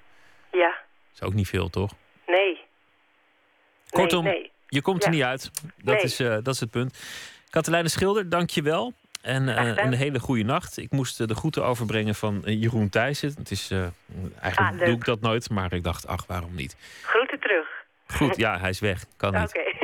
Goeie nacht en eh, graag morgen weer een verhaal. Tot morgen. Een nieuw album is onderweg van Ryan Adams. En dat is eh, goed nieuws voor zijn vele liefhebbers. Het eh, laatste album was weer uit 2011. Dus het werd misschien ook wel een beetje tijd. De titel is nog niet bekend. We kunnen wel vast één liedje draaien. My Wrecking Ball.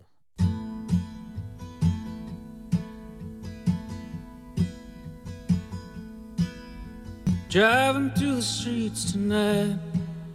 It's hard, I got the windows down. I wish I could call you, I wish you were still around. Nothing much left in the tank. Somehow this thing still drives. It forgot what it needed, but somehow still survives. And all the walls we build, they must come down. Hey, you're my racquet ball, won't you come and maybe knock me down? Hey, you're my racquet ball, won't you come and maybe knock me down? Hey, you're my wrecking ball, won't you come and knock me down? Come and knock me down, come and knock me down tonight. Lying in the bed at night, feeling like I'm somebody else. My thoughts inside my head get lost inside the haunted house. Everyone I used to know left their dreams by the door. I accidentally kick them, that's how I can tell you're still not sure. And all the walls we build, they rise and they fall.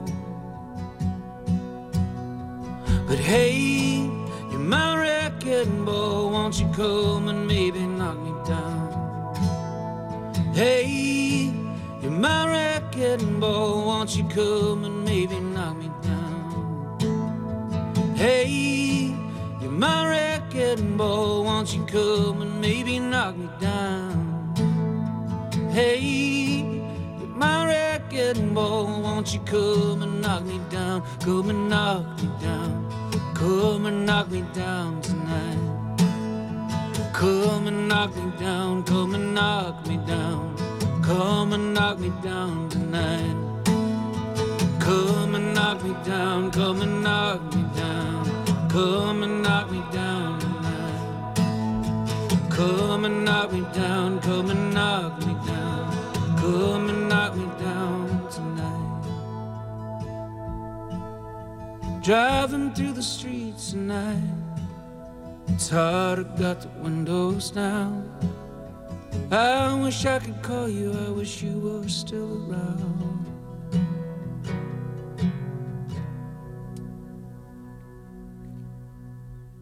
My Wrecking Ball van Ryan Adams. En het komt van een album zonder titel waarschijnlijk... dat begin september zal verschijnen.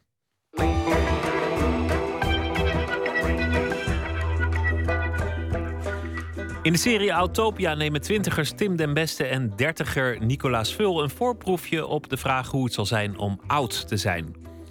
Programmamakers hebben daarvoor een maand in een Haags verzorgingstehuis gewoond... en dat hebben ze gefilmd. Het duo maakt verschillende programma's... maar is vooral bekend vanwege de documentaire... Een man weet niet wat hij mist. Daarin onderzoekt Tim of hij heteroseksuele gevoelens heeft. De driedelige documentaire serie Autopia is morgen, eigenlijk vandaag donderdag, te zien op de televisie. Verslaggever Nicole Terborg spreekt Tim den Beste bij hem thuis in Amsterdam. We denken liever niet aan onze eigen vergankelijkheid. Ouderen zien we als één grote grijze massa. En die gaan we liever uit de weg. Maar straks zitten we een maand lang, dag in dag uit, tussen de ouderen. Ehm, het doel was om erachter te komen hoe het is om oud te zijn. Eh, hoe het is om je leven achter je te hebben liggen in plaats van voor je. Dat hebben wij nu. Dat we gewoon, weet je wel, wij kijken vooral vooruit, want daar ligt het meeste. Maar hoe is het als je 80 bent? Dan heb je gewoon nog maar een paar jaar en heb je 80 jaar al geleefd. Hoe is dat? En hoe is het om in een verzorgingstehuis te wonen? In een bejaardenhuis? Eh, want dat mag je zeggen. Ehm, Mag je dat zeggen? ja, nee, ze noemen het zelf ook.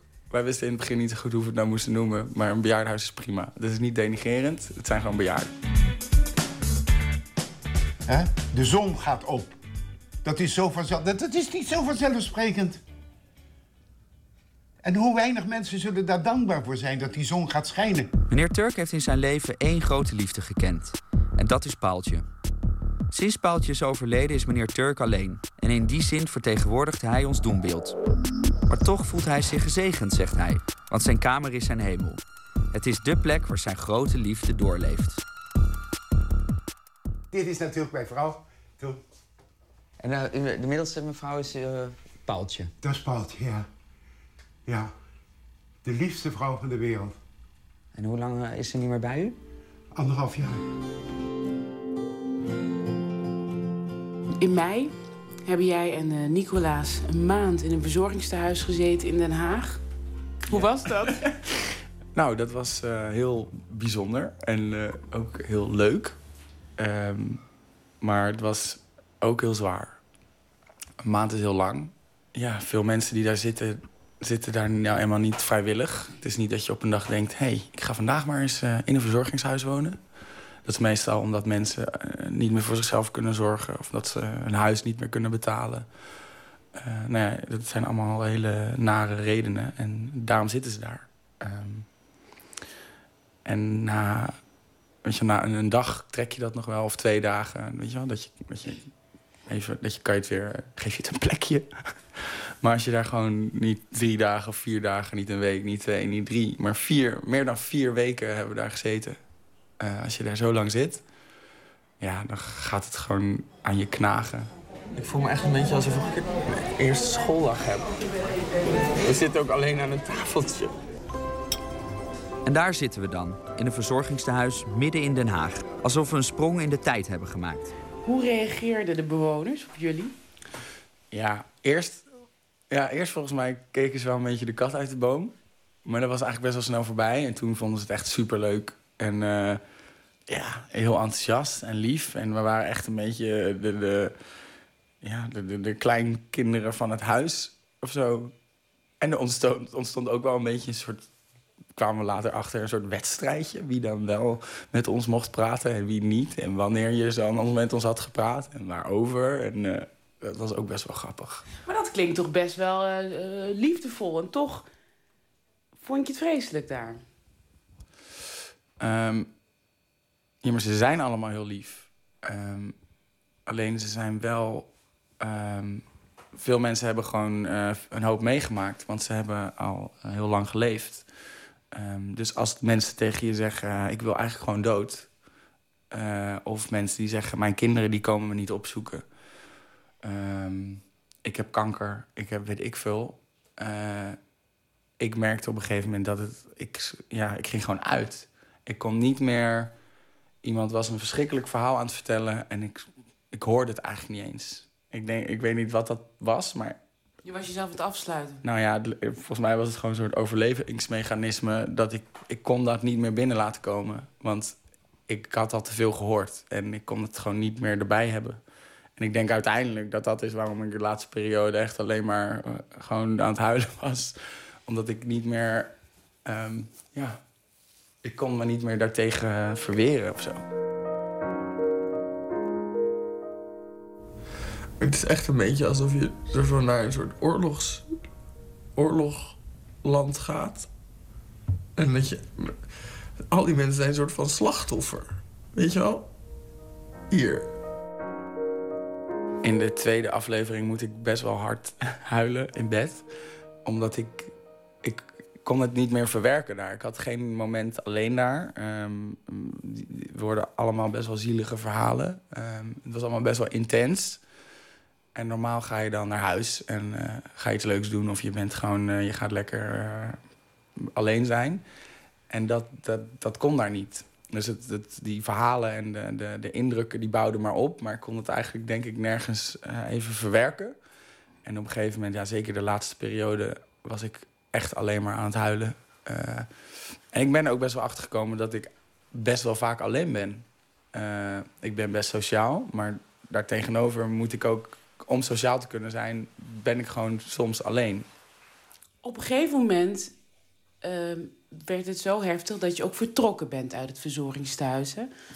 Wat zorgde ervoor dat je dat besluit nam?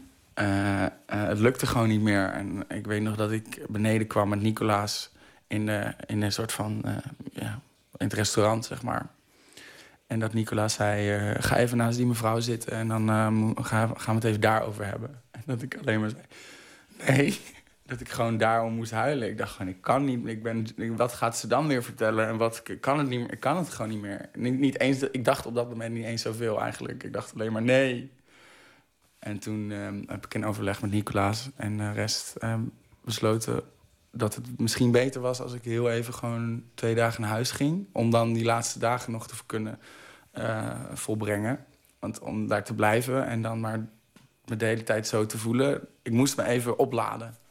U heeft 40 jaar geen seks gehad? Nee, Wow. Maar, en u mist dat? Heeft dat nooit nee, gemist? echt niet. Ik mis dat. Maar waarom moet je dat missen? Je, je neemt toch een winterpijn? En eh, het is niet alleen zwaar, er zitten ook heel veel grappige momenten in het eh, programma. Bijvoorbeeld, ik moest heel erg lachen om een van de dames aan wie jij vraagt eh, naar haar liefdesleven. en die dan begint over allerlei soorten groentes die je kan gebruiken als je alleen bent en geen man hebt. Ja, dat klopt. die mensen zijn gewoon ineens oud geworden. Maar ze zijn, ze zijn gewoon mensen, zoals jij en ik. Dus ik, ik dacht, ja, ik ga niet een maand in een bejaardenhuis wonen... zonder met eh, bewoners te hebben gepraat over seks. Uh, want ik ben daar heel benieuwd naar. En ik denk dat iedereen er heel benieuwd naar is. Want we hebben allemaal een beeld dat op een gegeven moment... dat je 50 bent en dat je dan gewoon geen seks meer hebt of zo. Um, nou, is, is, dat voor veel mensen ook wel zo. zijn we ook achtergekomen. Maar um, ik, ja, ik vond het heel leuk om dat onderwerp aan te snijden. Dus er is ook een, bijvoorbeeld een mevrouw die zei dat ze eigenlijk nog nooit iemand had gehad. Uh, dat ze nog nooit iemand was samen geweest. Een mevrouw van 81. Ja, en dat, dat, daar kunnen wij ons natuurlijk helemaal niks bij voorstellen. Mag ik iets heel persoonlijks vragen? Ja. En dan moet u maar kijken of u antwoord wil geven. Maar ik vraag me af, gaat u dan sterven als maagd? Oh, Tim.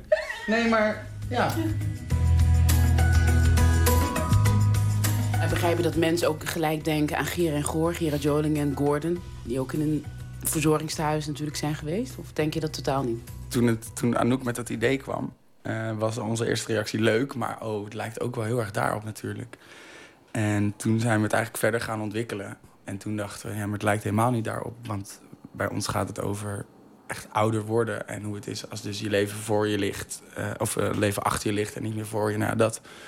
Um, maar we hebben zeker daar de hele tijd um, rekening mee gehouden van laten we... We willen niet dat het daarop lijkt. En dan zijn we ook nog eens twee homo's in een bejaardenhuis. Ja.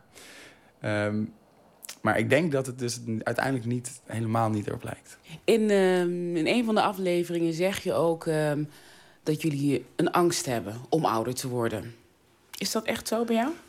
Ja, ja ik merk het nu. Ik heb toen ik 18 werd, voor de avond voor mijn 18e verjaardag, heb ik echt huilend in mijn kamer gedichten zitten schrijven.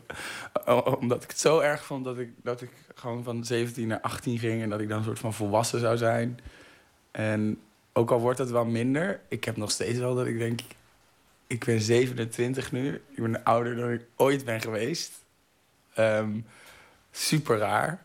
Ik, ja, maar dat is wat iedereen heeft, denk ik. En wat ik ook heel vaak van mijn ouders hoor. Dat je gewoon eigenlijk van binnen een beetje hetzelfde blijft. Alleen dat, het, dat je van buiten helemaal verandert. En dat er ineens allemaal jonge mensen zijn die jonger zijn dan jij. Ja, daar, kan denk ik niemand aan wennen. Ik denk dat het ook angst voor het onbekende is. Ik bedoel, ik ben altijd jong geweest. Dat is mijn identiteit. Maar ja, nu, 27, dan word je toch wel, ja... Op een gegeven moment ben je dan niet meer zo jong. Een vriend um, die was um, op een festival en die was aan het dansen. En die is net zo oud. En toen kwam er een jongen van 18 of zo met hem praten, weet ik veel. En toen zei, vroeg hij uiteindelijk hoe oud ben je dan? Toen zei hij 27. Zei hij, oh wat goed dat je nog naar festivals gaat. Dan. Nou, dat doet zoveel pijn. dat soort dingen, ja, ik weet niet. En gewoon lichamelijk verval natuurlijk. Dat je, ja, dat je, je lichaam valt uit en je, je, je, je gaat, alles gaat een beetje hangen en zakken. Mevrouw van Bohemen is onze buurvrouw.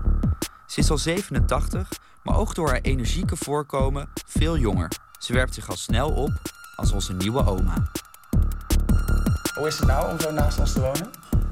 Geweldig, als ik jullie maar zo zou zien. Maar jullie zijn haast altijd weg. Nou, we slapen ook veel. Ja. Ja, we doen echt middagdutjes. Nou ja, dan heb je het nodig, toch?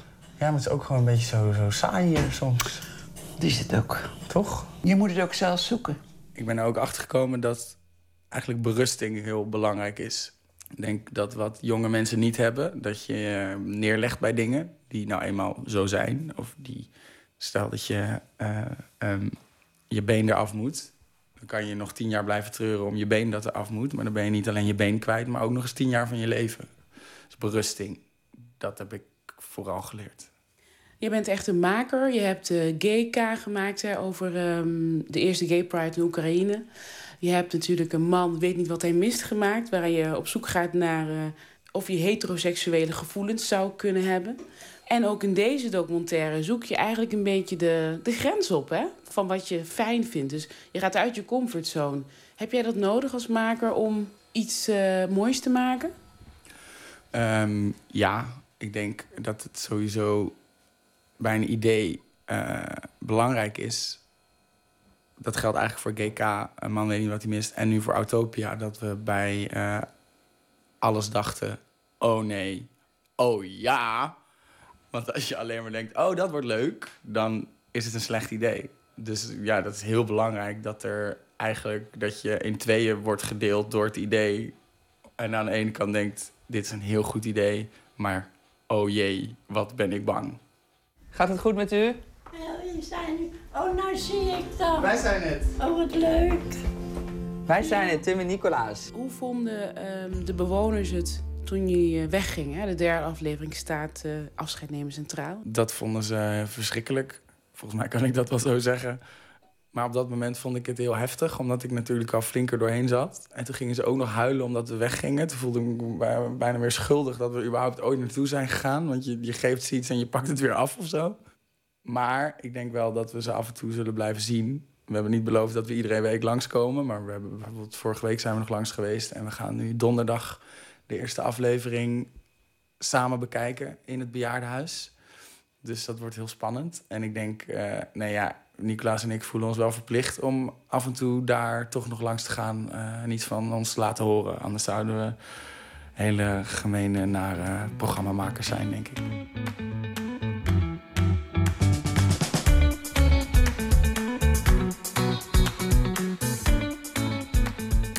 De eerste aflevering van de serie Autopia is te zien morgen of vanavond om half negen op NPO 3. Ze zijn met z'n vieren, ze komen uit Londen en bestaan uit twee keer de combinatie broer en zus, de band The Magic Numbers. En het bijkomend voordeel van al die familiebanden is dat hun stemmen zo mooi bij elkaar passen. Harmonieuze samenzang is dan ook een van hun handelsmerken. Een nieuw album is uit en een van de nummers daarop heeft de titel Roy Orbison. Ik heb het over The Magic Numbers met dus Roy Orbison als titel.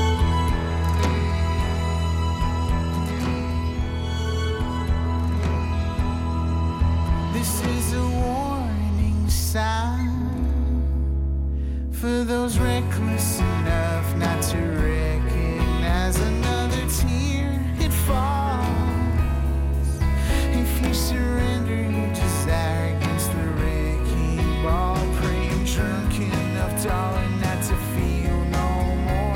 I came in alone and I'll die alone. You know I will,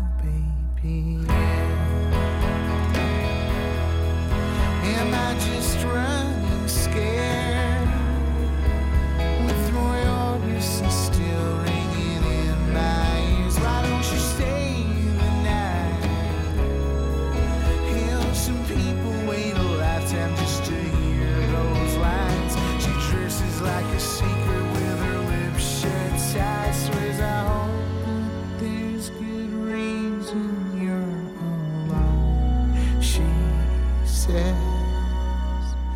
Boy, don't you know that I've waited to love you?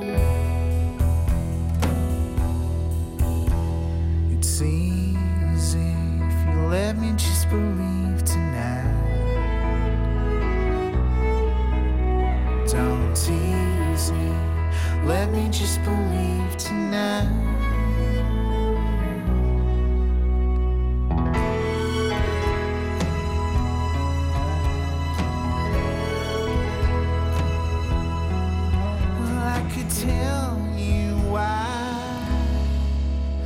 But to tell you the truth, I ain't the telling kind. I thought I knew myself. Oh, but each time I look now, I see someone else.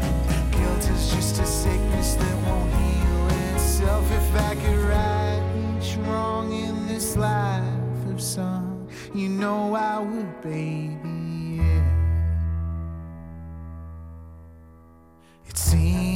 Easy. Let me just believe tonight.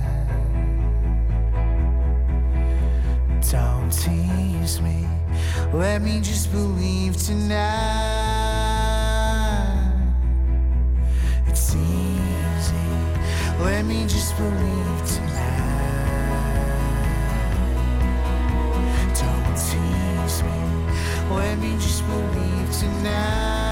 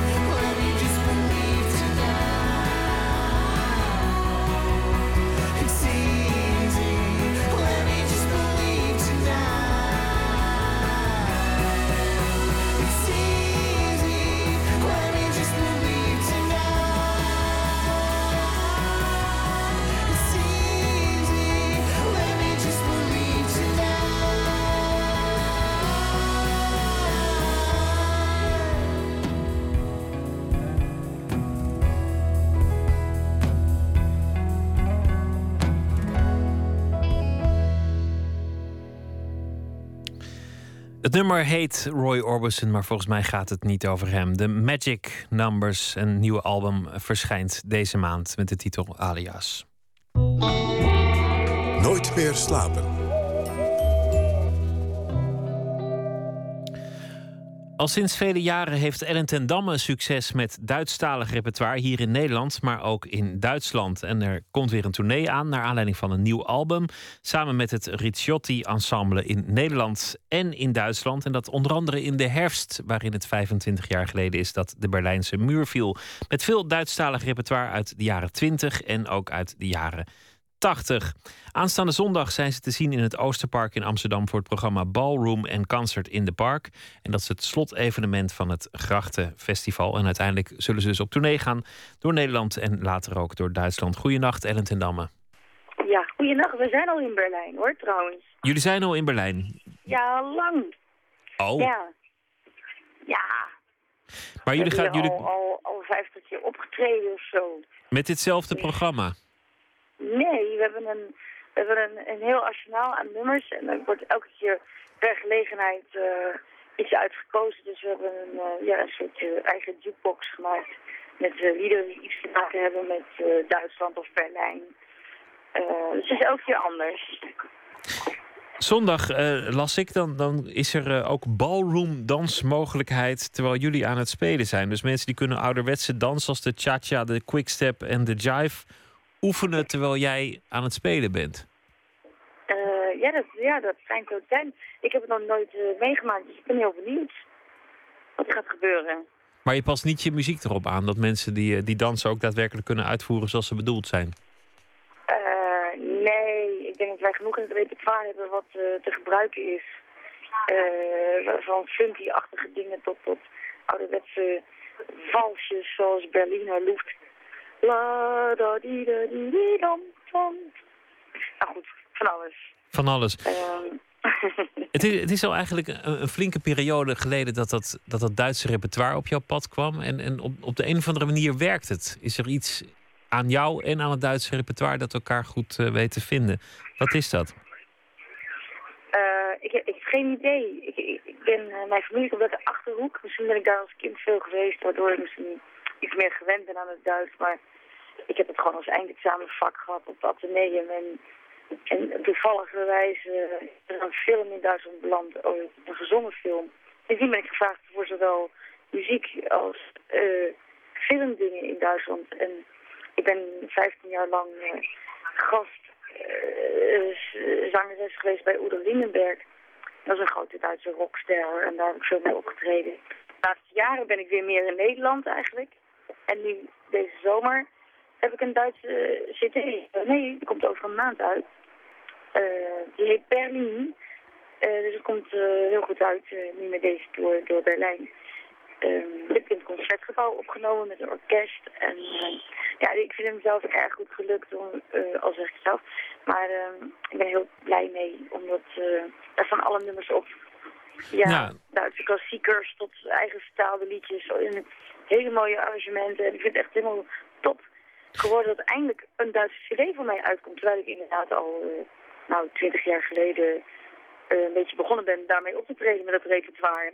Ja, en inmiddels En vertaal je ook. Je vertaalt inmiddels ook Engelstalige stukken naar het Duits. Bijvoorbeeld nummers van Ja. Rihanna. Waarom, Ja, waarom werkt dat zo goed? Wa- Wat voegt het toe als je Rihanna in het Duits doet? Wa- Wat, welke kant van Rihanna komt er dan ineens naar boven? Nou, in, eh, ja, ik, ik voer het uit met een orkest, dus we een soort, eh, eh, met, strijkers die een beetje popachtig eh, spelen, waardoor het een heel eigen sound krijgt. Daar was ik naar op zoek. En als het in het Duits is, wordt het nog iets ja, kunstiger of zo. En live voeg ik ook nog een stukje Mozart eh, aan. Dan wordt het helemaal eh, een weirde combi. Ik ben gewoon op zoek naar crossover-achtige dingen. Dus om eh, eh, ja, popliedjes toch eh, interessante touch mee te geven. Dat daarom, ja, op een of andere manier werd het Duits net iets interessanter of zo. Dan dat een obligaat Engels bij popmuziek. Duits geeft het altijd een, een- iets interessants, inderdaad. Ja. Ik weet, niet, hoe- ik weet niet hoe ik het anders kan zeggen. Maar als, als je iets in het Duits zegt, dan wordt het meteen een stuk, klinkt het meteen een stuk interessanter. Gewist zeggen. Of Ja, zoiets. het Duits ook meer woorden om dingen uit te leggen? Dus ze gebruiken er ook meer. Maar goed. Ja, komend, komend najaar is het eh, 25 jaar geleden dat de muur viel. Dat, dat zal in Duitsland op heel veel plekken eh, herdacht worden. Het jaar daarna Mhm. eh, zal herdacht worden dat Duitsland eh, weer één werd. Heb jij daar nog veel mee te maken? Eh, Treed je veel op bij dat soort evenementen? Nou, ik ben inderdaad wel gevraagd om eh, eh, iets te doen met eh Udo. Dat heeft met die muur. Maar volgens mij kan ik niet op die dag, omdat ik al een andere optreden heb staan eh, in Nederland. Dus eh, ik, ik weet het niet. Volgens mij eh, gaat het feest niet door. Nee, ik ben te druk ook aan het voorbereiden met een volgende tour.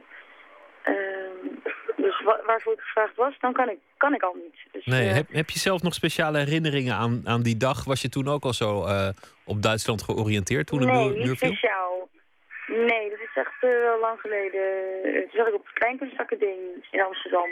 Ik weet nog wel heel goed dat het, eh, dat moment er, was. En eh, heel kort daarna was ik ook in Berlijn toevallig.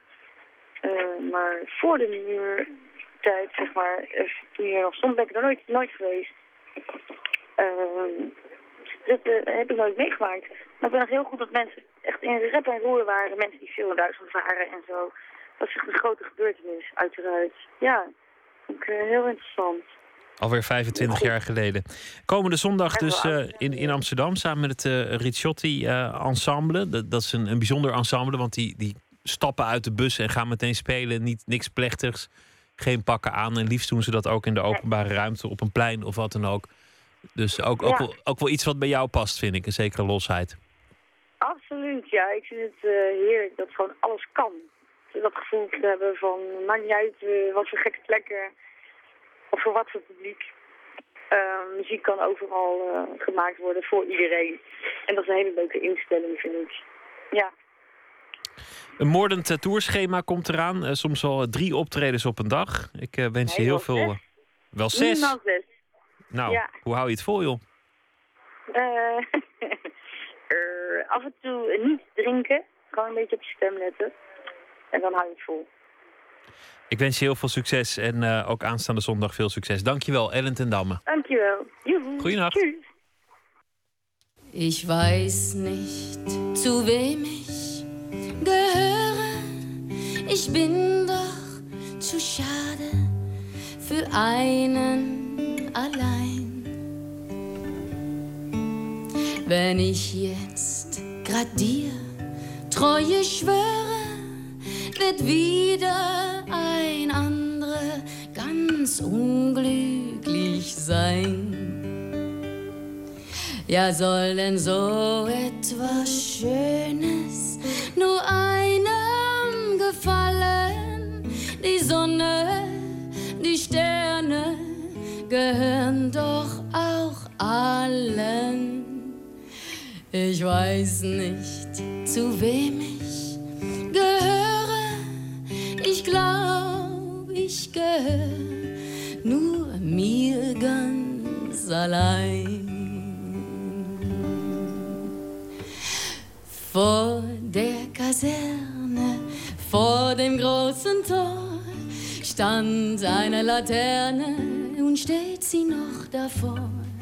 So wollen wir uns da wiedersehen.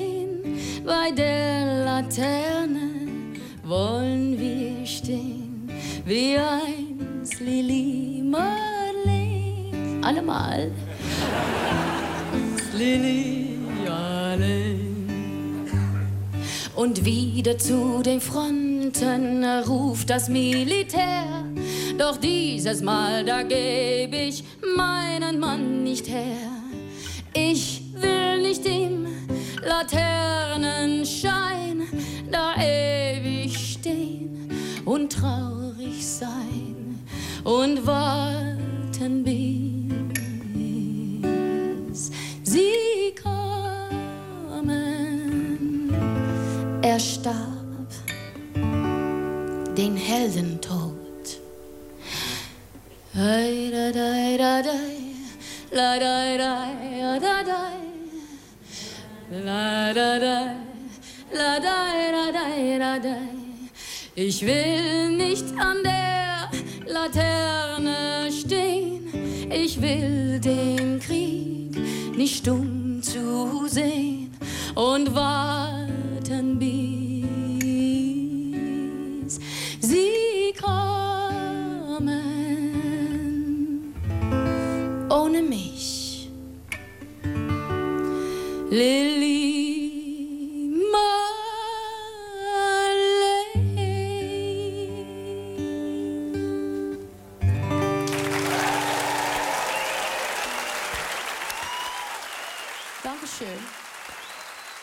Opname van Ellen ten Damme van onder andere Lily Marleen en Ich weiß nicht zum wem ich gehöre.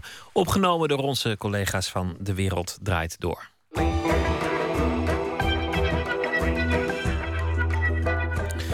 De Nederlandse speelfilm tussen 10 en 12 van regisseur Peter Hogendoorn is geselecteerd voor de competitie van Venice Days. En dat is het parallelfestival dat plaatsvindt tijdens het officiële filmfestival van Venetië. De film volgt een familie en twee agenten die hen slecht nieuws komen brengen. Het is zijn eh, debuutfilm met acteurs als Raymond Thierry van Penosa, Nasrin Dregar van Rabat en Co Sandvliet van Jongens in de hoofdrol. Gedeeltelijk autobiografisch. Onze verslaggever Floortje Smit sprak hem vlak voor de première in Venetië.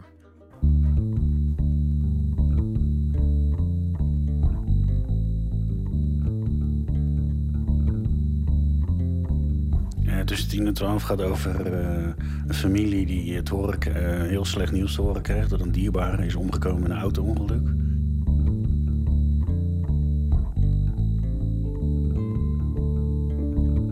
En dat nieuws wordt gebracht door twee agenten. En eh, er is een jongen en een meisje thuis. En eh, de ouders zijn niet thuis, dus die moeten ingelicht worden. En uiteindelijk zou je kunnen zetten dat het een estafette is van verdriet doorgeven. En eh, een auto die eh, verdriet collecteert. Peter Hogedoorn zat zelf ooit in zo'n politieauto. Dat begon op een doorsnee dag. Zijn vriendin van toen riep hem dat er politie voor de deur stond. Politie voor de deur. Ik denk, ik heb toch niks uitgevreten of zo. Ik, eh, ik had wel eens wat narigheid met Feyenoord of zo. Met rellen, maar ik denk, dat zal het toch niet zijn? En ik denk, ja, een boete voor een biertje op straat, dat zal het ook niet zijn. En toen dacht ik van, eh, er is wat met mijn vader. Ik denk, iets met zijn hart of iets dergelijks. Maar ja, toen eh, deden ze open. En toen vroegen ze of ze binnenkwamen. En toen wist ik eigenlijk al meteen van, er is in ieder geval iets ergs met een van ons. eh. En toen bleek dat mijn zusje dus eh, was omgekomen in een auto-ongeluk. En je moet dan iets gaan vertellen wat je eigenlijk zelf helemaal niet begrijpt. Of wat je eigenlijk niet kan bevatten op dat moment. Dus dat is een hele surrealistische wereld waar je in terechtkomt. En dat is ook waarom ik bedoel van waarom ik dacht dat het interessant was om een film over te maken. Omdat je dus op dat moment in een soort van uberzen zit. Dat je niks doet er meer toe of zo. En dat vond ik eigenlijk. eh, ja, ik, ik, ik, ik, ik, ik sprong ook meteen in een soort van eh, modus om.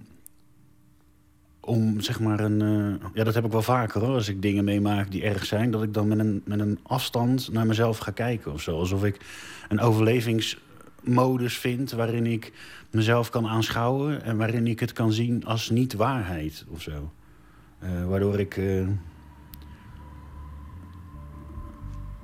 Ja, ik denk dat het een soort van automatisch overlevingsding is. Dat je niet accepteert dat dat ook echt met je aan de hand is of zo. En waar de film ergens over gaat, voor mijn gevoel, is... ehm, ja, wat als alle codes eh, wegvallen? Wat als je, als je niet meer eh, kan vasthouden aan de routine die je elke dag hebt? En wat betekent het voor eh, een plek waar je normaal dagelijks altijd bent en waar je op vertrouwt? En die voorgoed zal veranderen. En we zijn gaan draaien op plekken waar het ook echt gebeurd is. En dat zijn toch plekken waar je heel anders... ja, waar je dan heel anders om rondloopt of zo. Alsof die, alsof die ruimte gewoon besmet is met iets... wat nooit meer kan worden wat het is. Maar waarom wilde je dat dan per se op dezelfde locaties filmen? Dat komt dan toch heel dichtbij allemaal. Ja, dat is heel raar of zo. Dat... We hebben heel veel locaties gezocht voor eh, het huis van het gezin. En ik wilde heel graag dat het een huis was Want we zouden eerst met helikoptershots ook draaien. En dat je vanaf boven zou zien dat alle huizen er hetzelfde uitzien. Allemaal met een tuintje, met een hekje. Omdat je dan ook als kijker kan denken, weet je, het kan elke seconde ook bij mij gebeuren, zeg maar. En, eh, dus ik wilde een woonwijk die er heel erg exact hetzelfde uitzag. En dat bleek dus gewoon eigenlijk de wijk waar ik eh, vandaan kwam of zo. Of waar ik dan ook echt woonde. Ehm, uiteindelijk zijn we bij de buurvrouw gaan filmen. Wat heel raar was, want dan zie je je huis maar dan omgedraaid. Weet je wel, de keuken net aan de andere kant en een beetje gedesoriënteerd. En eh, ja, voor die werkplek is het ook gewoon zo dat ik natuurlijk heel veel aan mijn vader kon vertellen van hoe werkt zo'n plek en wat voor humor hebben ze. En ik kwam natuurlijk als kind wel eens bij de RET, de busgarage waar mijn vader werkte. En waar het personage in de film ook werkt. Dat zijn mensen met een bepaald soort humor of die hebben een bepaald soort manier van omgang of zo. Dus ik dacht, ja, die research ligt al uh, dicht bij jezelf. De post is trouwens niet uh, uh, de waarachtige plek, maar dat is de plek geworden omdat ik zelf bij de post werk. En in de film werkt de moeder bij de post. En in het echt was dat een kantoor. Maar een kantoor vond ik iets te... Nou, niet per se saai, maar wat ik mooi vond toen ik bij de post werkte, even tijdelijk, toen, dan merk je gewoon die geluiden en die extreme. Dan word je helemaal uh, gek. En die monotoonheid, dat ritme, dat vond ik ook mooi dat dat dan verstoord wordt. Omdat dat ergens ook. Bedoel, ik, ik wil nooit zo maatschappij kritisch zijn of dat soort dingen. Maar ergens vind ik het ook een soort van. Um, dat je zou kunnen beseffen met zo'n film van... misschien moet ik wel ander werk gaan zoeken. Of misschien moet ik niet accepteren dat ik maar blijf doen wat ik blijf doen. Of misschien moet ik eens een keertje mijn baas voor zijn bek slaan. Of weet je wel, dat je in een soort routine leeft... waar je wordt geboren. dan doe je herhaaldelijk je ding en uiteindelijk sterf je en dat is het dan. moet je dat dan maar accepteren of zo? Dat is ook een, een, een, een element waarom ik die postlocatie wilde. Vanwege die repetitieve, repetitieve dingen, zeg maar. Ja.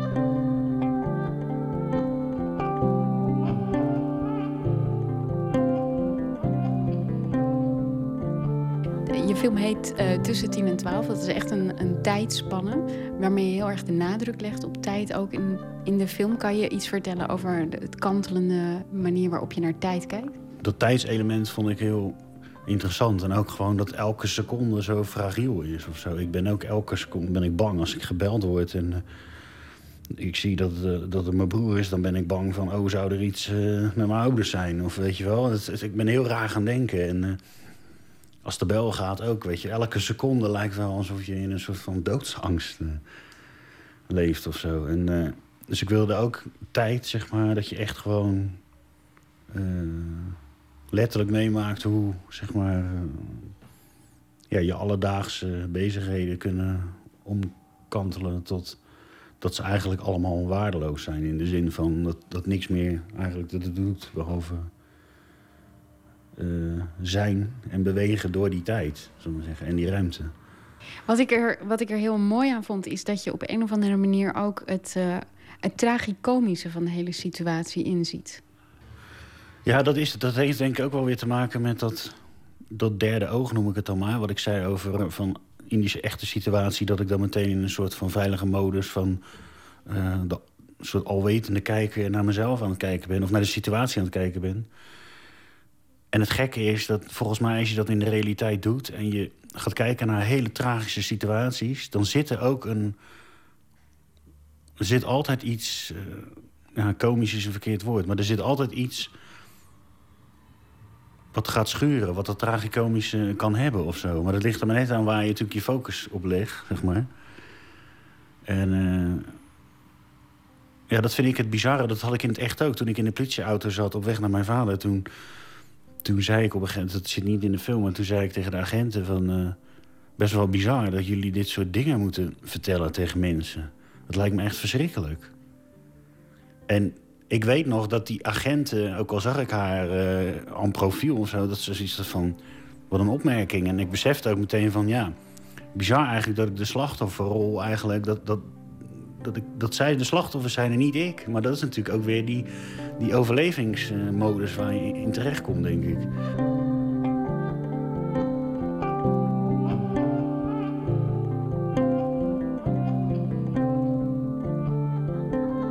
Anders naar gaan kijken nu je die film hebt gemaakt? Je die, je die situatie... Want je legt het weer onder een vergrootglas, je kijkt ernaar, je kijkt er, je kijkt er zo lang naar. Nou ja, het heeft niet, geen therapeutische werking of zo bij mij. Ehm, denk ik hoor. Karen zegt van wel, de producenten, maar ja, ik weet het niet. Nee, ik ben er niet anders naar gaan kijken. Het maakt het soms zelfs moeilijk. Omdat je zo erg eh, op een professionele manier natuurlijk met een film bezig moet zijn. Het heeft te maken met structuur. En weet je, je kan je niet aan de werkelijkheid houden. Niet, niet helemaal natuurlijk. En eh, dat maakt het soms wel eens moeilijk omdat je zeker nu je veel over de film praat... wat te maken heeft met de realiteit. Dus je kan het ook niet helemaal loszien. Maar de realiteit is op zichzelf natuurlijk. Dus ik moet wel uh, onderscheid blijven maken tussen de werkelijkheid en, en, uh, en, en de film natuurlijk. En je, je afstudeerfilm Wes um, ging ook over een hele ingrijpende gebeurtenis. Het overlijden van je moeder. Ja, dat was ook zo, ja. ja. ja. Maar kan je je voorstellen dat ik me afvraag... waarom je in al je open zenuwen wil poeren als filmmaker? Oh ja, dat is een mooi verwoord. Um, Ja, ik denk dat dat ook te maken heeft met dat ik ben niet iemand die zeg maar denkt van oh politieke situatie, daar ga ik iets mee doen, daar ga ik een film over maken of zo. Uh, ik doe wel veel met mijn fantasie qua schrijven, maar dat niet qua film. Dat vind ik dan. Uh, dus ik probeer het gewoon dicht bij mezelf te houden. Ja, de dingen die je meemaakt, daar ga je natuurlijk bij kijken van ja, wat, wat zit daarin? Of wat, wat, zit daar een ontroering in? Of is daar een. Als je het hebt over dat sommige mensen zeggen... ja, een film is eigenlijk een soort van spiegel van, van pijn en verdriet... Wat we allemaal te maken, waar we allemaal te maken mee krijgen. Of het nou een comedyfilm is, of dat het nou een tragicomedie is of een thriller. Het gaat allemaal over dealen met problemen of met issues. Nou ja, dat zijn dan voor mij issues geweest, dus daar ben ik dan een film over gaan maken. Ik ben er ook wel weer vrij nuchter in, hoor, eigenlijk. Maar, ja. Ja, ik bedoel, meestal de mensen die, die dat doen... die hebben het over een verbroken relatie bijvoorbeeld. Dit, dit gaat echt jouw familie aan en dit gaat echt overlijden aan. Dat, is, dat zijn hele pittige dingen voor iemand van... hoe oud ben je? Ja, 34. Hm. Nou ja, ik ben al wel vanaf kind af aan gefascineerd geweest... en bang geweest ook. En nog steeds wel voor de dood. Of misschien wel voor het leven. Daar ben ik nu weer mee bezig voor een film. Maar, um, dus ik ben wel... Um, het is wel altijd een thema wat de hele tijd op een of andere manier blijft zijn of zo.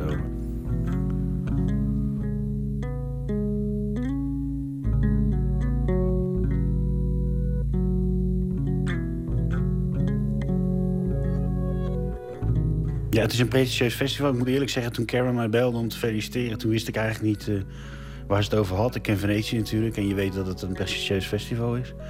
Maar ik moest zelf ook even googlen om te kijken dat het ook daadwerkelijk uh, iets voorstelde. dus ja. Het, het, het, is een soort zijprogramma. Het is voor een beetje experimentele makers of jonge makers. Heeft het zoiets? Ja, dat dacht ik in eerste instantie ook. Maar toen zag ik dus uh, Kim Kiduk erbij staan en Claude Codet. En toen dacht ik van, huh? Dat zijn mensen die ik uh, bewonder, zeg maar. Dus ik dacht inderdaad dat het eigenlijk voor makers was die net, uh, die, die net begonnen... en die ze dan ontdekken of iets dergelijks in die trant. Maar volgens mij uh, is het niet per se voor hele jonge makers, volgens mij. Maar het is best wel, het is best wel bijzonder om met je debuutfilm tussen dat soort mensen te zitten, toch? Ja, dat vind ik ook wel uh, bijzonder. Omdat ik was heel erg bang natuurlijk. Omdat ja, je wil natuurlijk zo graag mogelijk dat zo'n film gezien wordt. En het is natuurlijk geen commerciële film, dus je weet ook dat het, weet je wel, dat het filmhuizen waarschijnlijk gaat halen. Maar ja, dat helpt natuurlijk wel als je dan een A-festival mee hebt, zeg maar. En, uh, dus daar ben ik heel erg blij mee, uh, ja.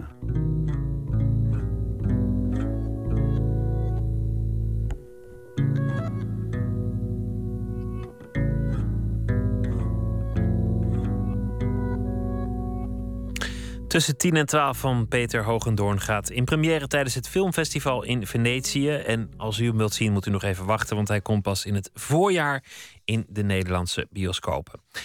Closing Time heet het nieuwe album van Erland en de Carnaval. En daarop staat dit pareltje: Quiet Love.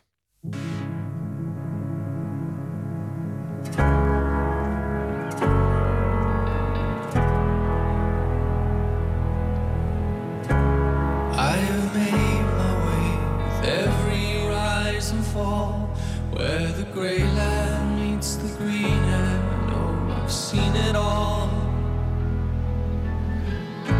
Is there some hidden thought you always get your way? And I'm sick and tired,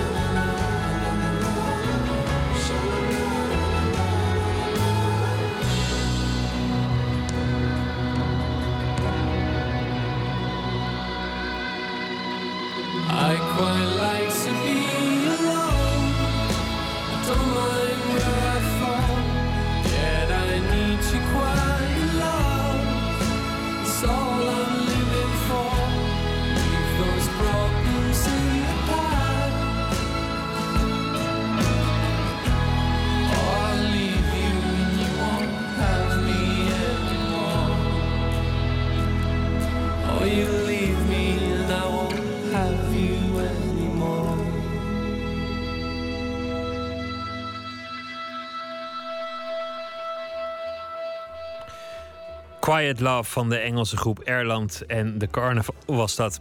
Dit was eh, Nooit meer slaap voor deze nacht. Morgen zijn we er weer na middernacht. Straks op deze zender eh, de Nacht van Jolen. Niet met Francisco van Jolen, maar met Cecile Koekoek. Ik wens u nog een hele goede nacht en graag weer tot morgen.